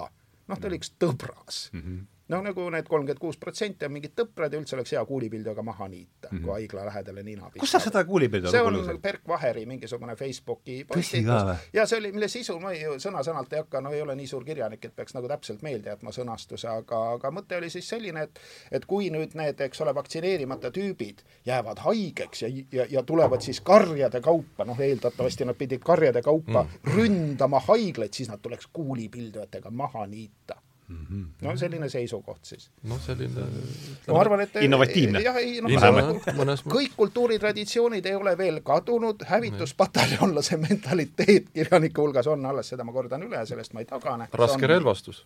raske kuulipildi, aga ilmselt jah, siis ma ei tea, millega. no kena, katsume siin nüüd veerand tunniga umbes selle jutuajamise sadamasse juhtida, et mis meil siis et hakkame mõtlema nüüd kokkuvõtte peale, et mis siis, mis see nüüd siis järeldada sellest, mis me oleme, mida on nüüd kahest viimasest aastast siis kaasa võtta, mis teie enda jaoks? ja no hingeharidust tuleb hakata andma inimesele ikka ja, ja ega, ega see ikkagi, kui noh, see on puudulik, noh mm. -hmm ja see, kõik hädad ikkagi sealt hakkavad peale, noh et see sellega ma olen ka, see on ikka sügav äh, märk sellist humanitaarhariduse tund-, tunde kriisist vä- ja kõigest sellest välja kujunemata, kas siis noh, ütleme sihilikult äh, nagu sega-, on, on siis segatud vahele, välja kujunemata tundeelu, tõesti. või, või täitsa puudulik, noh. Ja, ja muidugi koolil on oma osa siin, midagi ei ole teha no.. anna palun selle natuke välja kujunemata tundeelu, et mis sa, anna, anna, anna natuke no inimene ei saa ta ei saa, ta, ta mingil põhjusel ta ei saa mi-, millegi üle näiteks kas või rõõmustada mm. -hmm. tal ju, juba ju, pikka aega, kujuta ette, ei saa mit-, millegi üle head meelt tunda. äng on ju, kogu ja. aeg on niimoodi kinni, ei saagi. see äng, ja äng, äng oli pikalt enne koroonat, tast saab, ta võib pärast minna kooli, eks ole, pea, peale nii-öelda seda, või minna ülikooli, kindlasti on neid kohti, mida ta, kuhu ta, mida ta saab õppida, neid asju, aga mida ta hakkab tegema ütleme, mis sealt hakkab lõpuks välja tulema, see võib päris, päris hull olla. Need otsused ja need asjad ja selline mingisugune väga imelik, noh see on juba, läheb selliseks väga, väga peen, peenmehaanikaks, me võime ainult arvata, mida, milliseid nagu kuidas see inimene hakkab omamoodi nagu kätte maksma ühiskonnale nende asjade eest siiski. kas siis enese teadmata või tea-, teadlikult, aga igatahes noh, see on ju see ei ole ju mingisugune saladus, et üks, miks need mingisugused vangivalvurid tihti ja no kipuvad nagu sellised imelikud inimesed sinna minema, noh. meeldib. midagi on seal nagu valesti, noh. see ei ole reegel, aga ikkagi kuidagi mingitesse kohtadesse nagu lähevad nagu inimese ametisse ja miks nad just need inimesed sinna lähevad, seal on mingid põhjused. aga see jah, see selline tundeelu jah, selline kuidagi ilmselt ei pöörata sellele tähelepanu ka ja no ebaoluline ju kohati liiga ja ja no mis sa siis tahad, noh. ja siis, siis see maailm ei uuene mitte iialgi, siis ta jääbki täpselt sama primitiivseks, täpselt samasuguseks me kordame neid kõiki neid sajandeid siin samal moel ja, ja kirjutame pärast pikki romaane sellest, kuidas me kaitsesime või olime, ma ei tea, läksime lahingusse või ja kuida-, ja kuidas või me tühistasime, kas me, ku-, kuidas me tühistasime või kuidas me olime tühistatud või ja nii edasi, mis on minu jaoks jube, jube, jube tüütu. tahaksin nagu maailmas nagu midagi muud, nagu muid teemasid sisse tuua, muid asju. kas on veel olemas ka midagi muud, kas on ka mingisugust harmooniat, ütleme, või lihtsalt on see selline nagu selle, kogu selle, ma, ma julgen öelda, jäleduse lihtsalt kunstiline kirjeldamine jube, jube kurb, noh.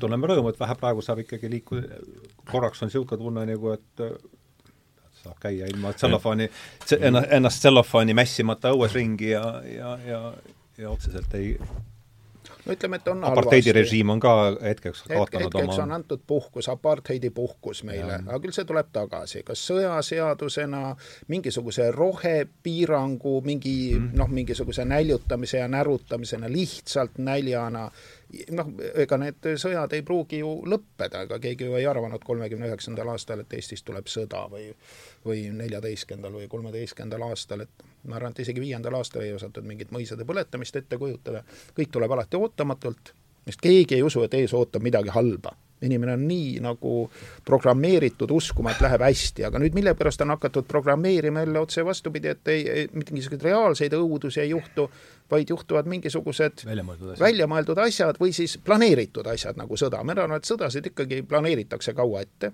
noh, vägede koondaminegi võtab ju aega no, mingi, noh, keegi ju peab neid korraldama, see ei juhtu ise no sõjad, sõdade taga on ju sõjakorraldajad, selles me võime kokku leppida. sõda ei ole spontaanne. tank ise ei lähe päris, jah? see on ikkagi keegi nagu kuskil staabis või enne jumal teab kus kontoris on midagi nagu korraldanud radikavalgel. noh, ja siis, eks ole, kas see asi läheb käest ära, kas seda meelega eskaleeritakse, seda sõda suuremaks, suuremaks või siis noh, igaüks üritab sellest sõjast midagi võtta, no ja siis need huvid seal kuidagi jälle kuhjuvad ja see asi läheb nagu veel hullemaks, kui ta, kui ta planeeritudki võib-olla oli aga jah, et ikkagi noh, üht, ühelt poolt on üllatav see, et noh, meil on kuuskümmend neli protsenti inimesega, kelle võib kõike teha, kellega võib teha loomkatseid, noh tõesti katsetada nende peal katsetamata ravimeid, aga mõtlen seda, et kui meil on olemas, eks ole, tõesti kuuskümmend neli protsenti inimesi, kes on kõigeks valmis, aina lemmegi kägu, räägi, et sured ära ja nüüd tuleb teha seda, seda, seda, seda, usub, fakt. Mm, -hmm. usubki, et miks siis ei võiks ühe ravimi asemel katsetada tuhandeid ravimeid hakata nüüd ütlema, kõik surete neeruhaigusesse ära, katsetame nüüd vahelduseks, et neeruravimi asi ka edeneks, katsetame siis mõnda neerurohtu. miks me mõnda kopsurohtu ei katseta, mingit, mina ei oska öelda, põierohtu või siis mm -hmm. nagu näg-, mulle tundub, et väga on vaja ühiskonnal mingisugust hullumeelsuse ravimeid mm. -hmm. et võib-olla peaks neid katsetama, et miks raisata ära kuuskümmend neli protsenti elanikkonnast, et katsetada nende peal ainult kolme-nelja-viit ravimit tegelikult, see on ju absurdne. kus on see mõistus ja ratsionaalne alge, et kasutada ära see inimpotentsiaal, kes on vabatahtlikud katseloomad, tasuta teevad ükskõik, mida neile öeldakse, miks neid ei saa panna peldikuid puhastama? miks nad ei võiks minna lihtsalt, mina ei tea, metsa puid ükshaaval maha võtma, et ei lase harvesteriga lageraiet. las harvendavad seal, võtavad need väiksemad, viletsamad, haigemad puud maha, jätavad noh, nii nagu peab, nagu vanasti tehti metsa tsaari ajal miks neile lojustele, kes on absoluutselt nõus kõike tegema, okei okay,, minusuguseid, keda on kolmkümmend neli protsenti, on ühiskonnale kadunud, nendega mitte midagi teha ei saa.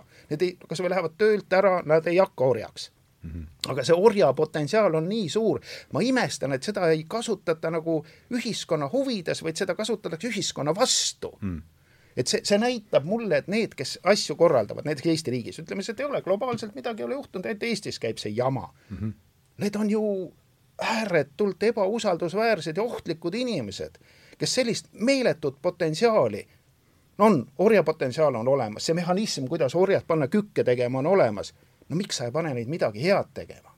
miks sa paned neid ainult pagulasi maale tooma, sõjapropagandat tegema ja enda peal ravimeid katsetama ja, ja teisi taga kiusama, kes, miks nad ei võiks mu kingi viksida selle asemel, et mind tühistada ütle neile, et seda kolmkümmend kuus protsenti kivisildnikul on praegu vaja purks tuua, õlut on vaja tuua, pead on vaja silitada, üldse on vaja ilusti temaga rääkida. miks peaminister ei räägi seda oma orjadele? miks ta ei tee seda, see näitab, et ta ei ole hea inimene, mm. tal ei ole häid eesmärke, tal on meeletu potentsiaal, noh, meeletu, ma ei tea, kaheksasada kuuskümmend tuhat lakeid, kes teevad kõik, mida ta käsib. tal on see masinavärk panna nad ükskõik mida tegema ta ei ole teinud ühtegi head asja. millest see räägib, vot see on minu jaoks nagu, kas, kas tõesti ei ole nagu üldse head inimestes no.? ka nendes, kes seal noh, korraldavad asju.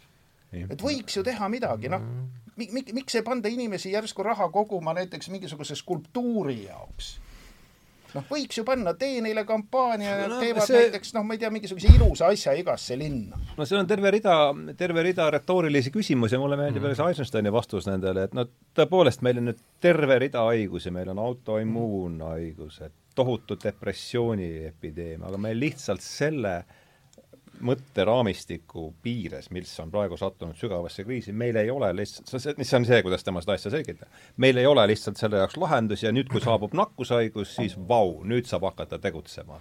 piirid kinni, ühiskond kinni, maskid ette no., maskid maha, süstid äh, ette, süstid taha. et see on see, noh küsimust, eks ole, et, et kas me saame ikkagi nagu samamoodi edasi jätkata üldse ühiskonnas, üldse, üldse samasuguse mõttemalliga, ütleme nagu, ütleme tarbimise malliga? Seda tegelikult nagu ei, no seda nagu, seda, sellega nagu mängitakse, noh, umbes niimoodi, et me peame hakkama vähem tarbima. see on nagu, see ka nagu mõjub väga nat-, nagu naeruväärselt, et kes peab, kes hakkab, kes on see esimene ja mida, kui suures ulatuses, kas kvantitatiivselt või kvalitatiivselt. ja kes tasand. ütleb, kui palju peab keegi vähem mida, kas vähem lugema? mis alusel sa üldse kobised? ma küsin, mis alusel sa kas kobised? õhemalt riides käima, kas vähem lugema? see on väga aga võib-olla õhemalt riides käimine on päris hea, kui sa teed sporti, kui sa oled terve, ja võib-olla vähem lugema on ka hea, kui sa veel nagu rämpsu ära viskad, ongi õige.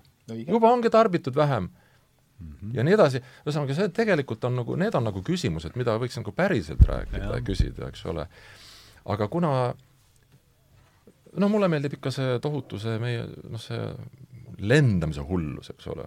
ma ei tea, nüüd varsti tuleb vist mingi rohelendamine rohelendamine, vot ei tea, kuidas rohelise vaibaga? no lendamine võiks olla ju niisugune väärikas tegevus, teda ei pea ju iga nädal sa pea lendama, võib-olla võiks, aga no võiks nagu vähem lennata, no võib-olla aastas, noh, lendan. aga just, et see noh, et väärikalt oh, saad selle pileti, lähed sinna lennujaama väärikalt, eks ole, selles mõttes, et keegi ei tungle, sest ei ole nii palju lendajaid, ei ole vaja nii palju. sinuga on, suheldakse leti taga väärikalt, sest et on aega, inimesed pole närvis, pole üle töötanud, kõik on väärikas, sul on endal ka tore kõike seda teha.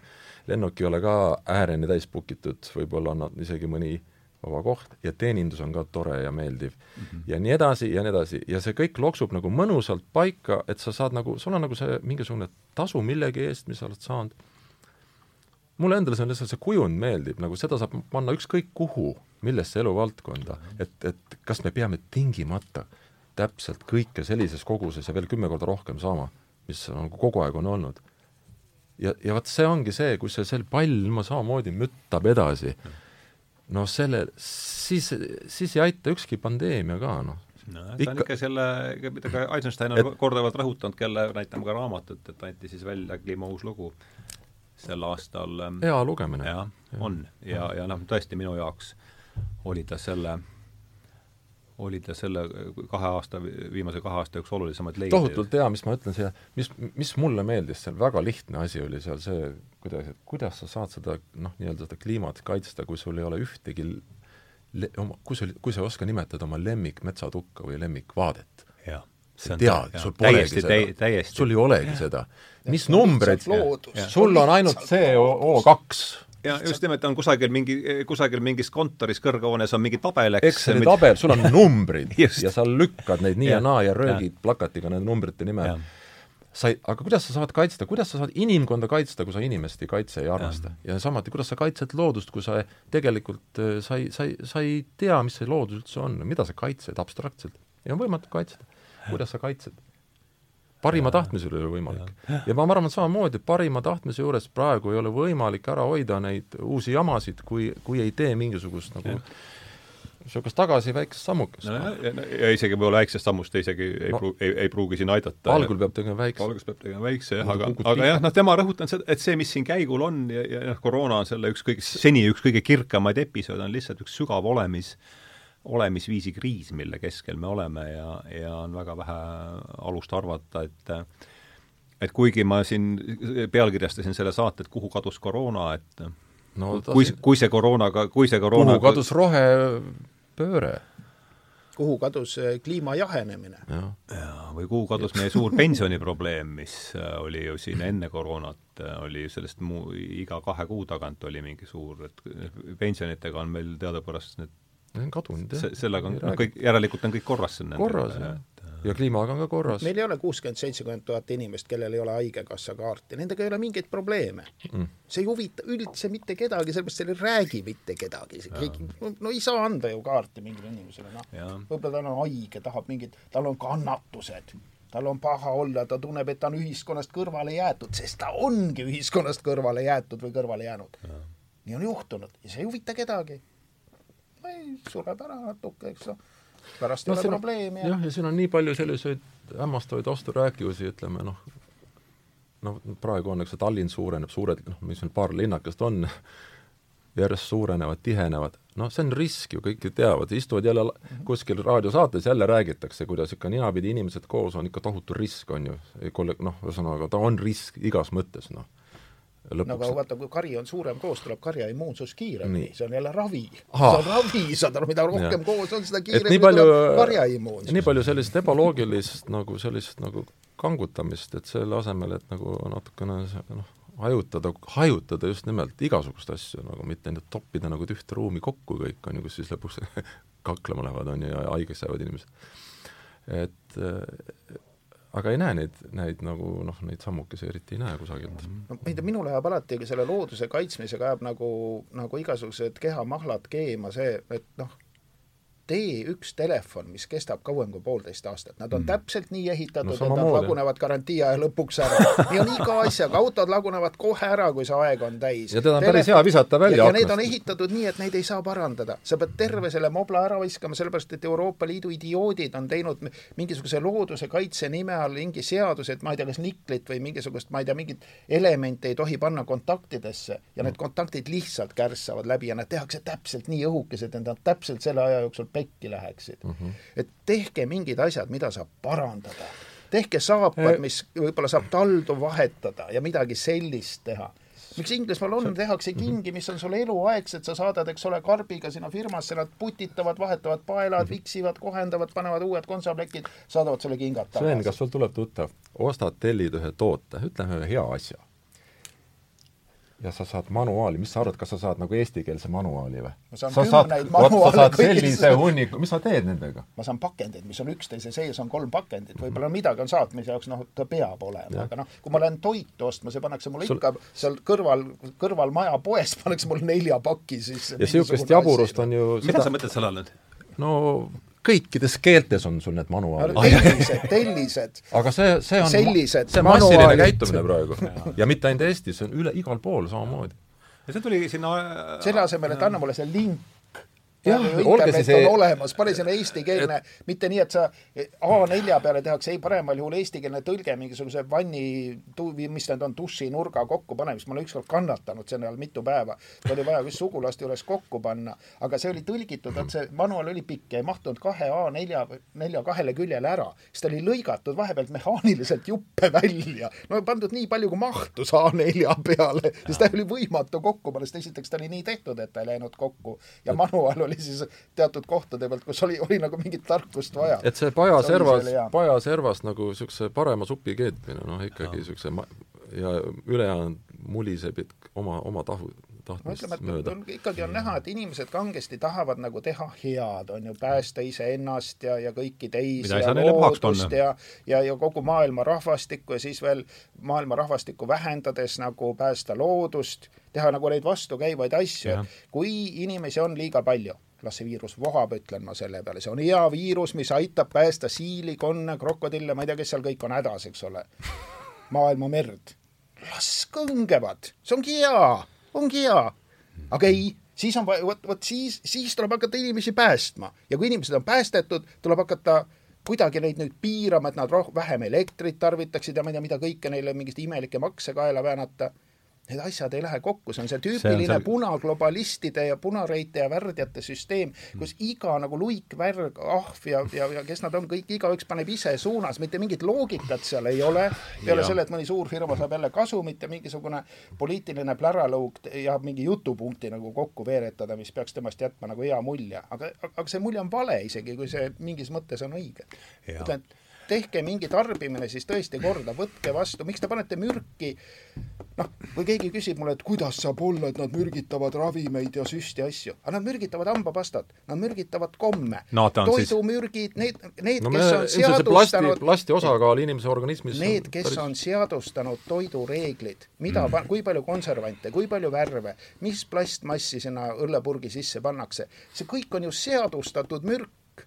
No.. see on ametlik vagunite kaupa veetakse no aga tabel näitab, et sa kannatad välja. kuule, koolis õpetatakse lastele, laps tuleb koolist, nutab, et noh, kõik on mürgine, need meil on see E-tähtede tabelid no. koolis õpetati, vaatasin toidu peal, kõik on mürgine, no kõik on mürgine, noh. ja ongi no. õige, ongi mürgine ja seda õpetatakse koolis, aga seda ei saa seadustega paika panna. ja siis nad arvavad, et nad ei mürgita suu mingit süstalt ära no kena, kuulge, me oleme nüüd kaks tundi saanud siin äh, lõugu laksutada taas ja, ja, ja tõmbame praegu siis äh, siin joone alla, et ma tunnen, et, et ei läheks nüüd ei lähe.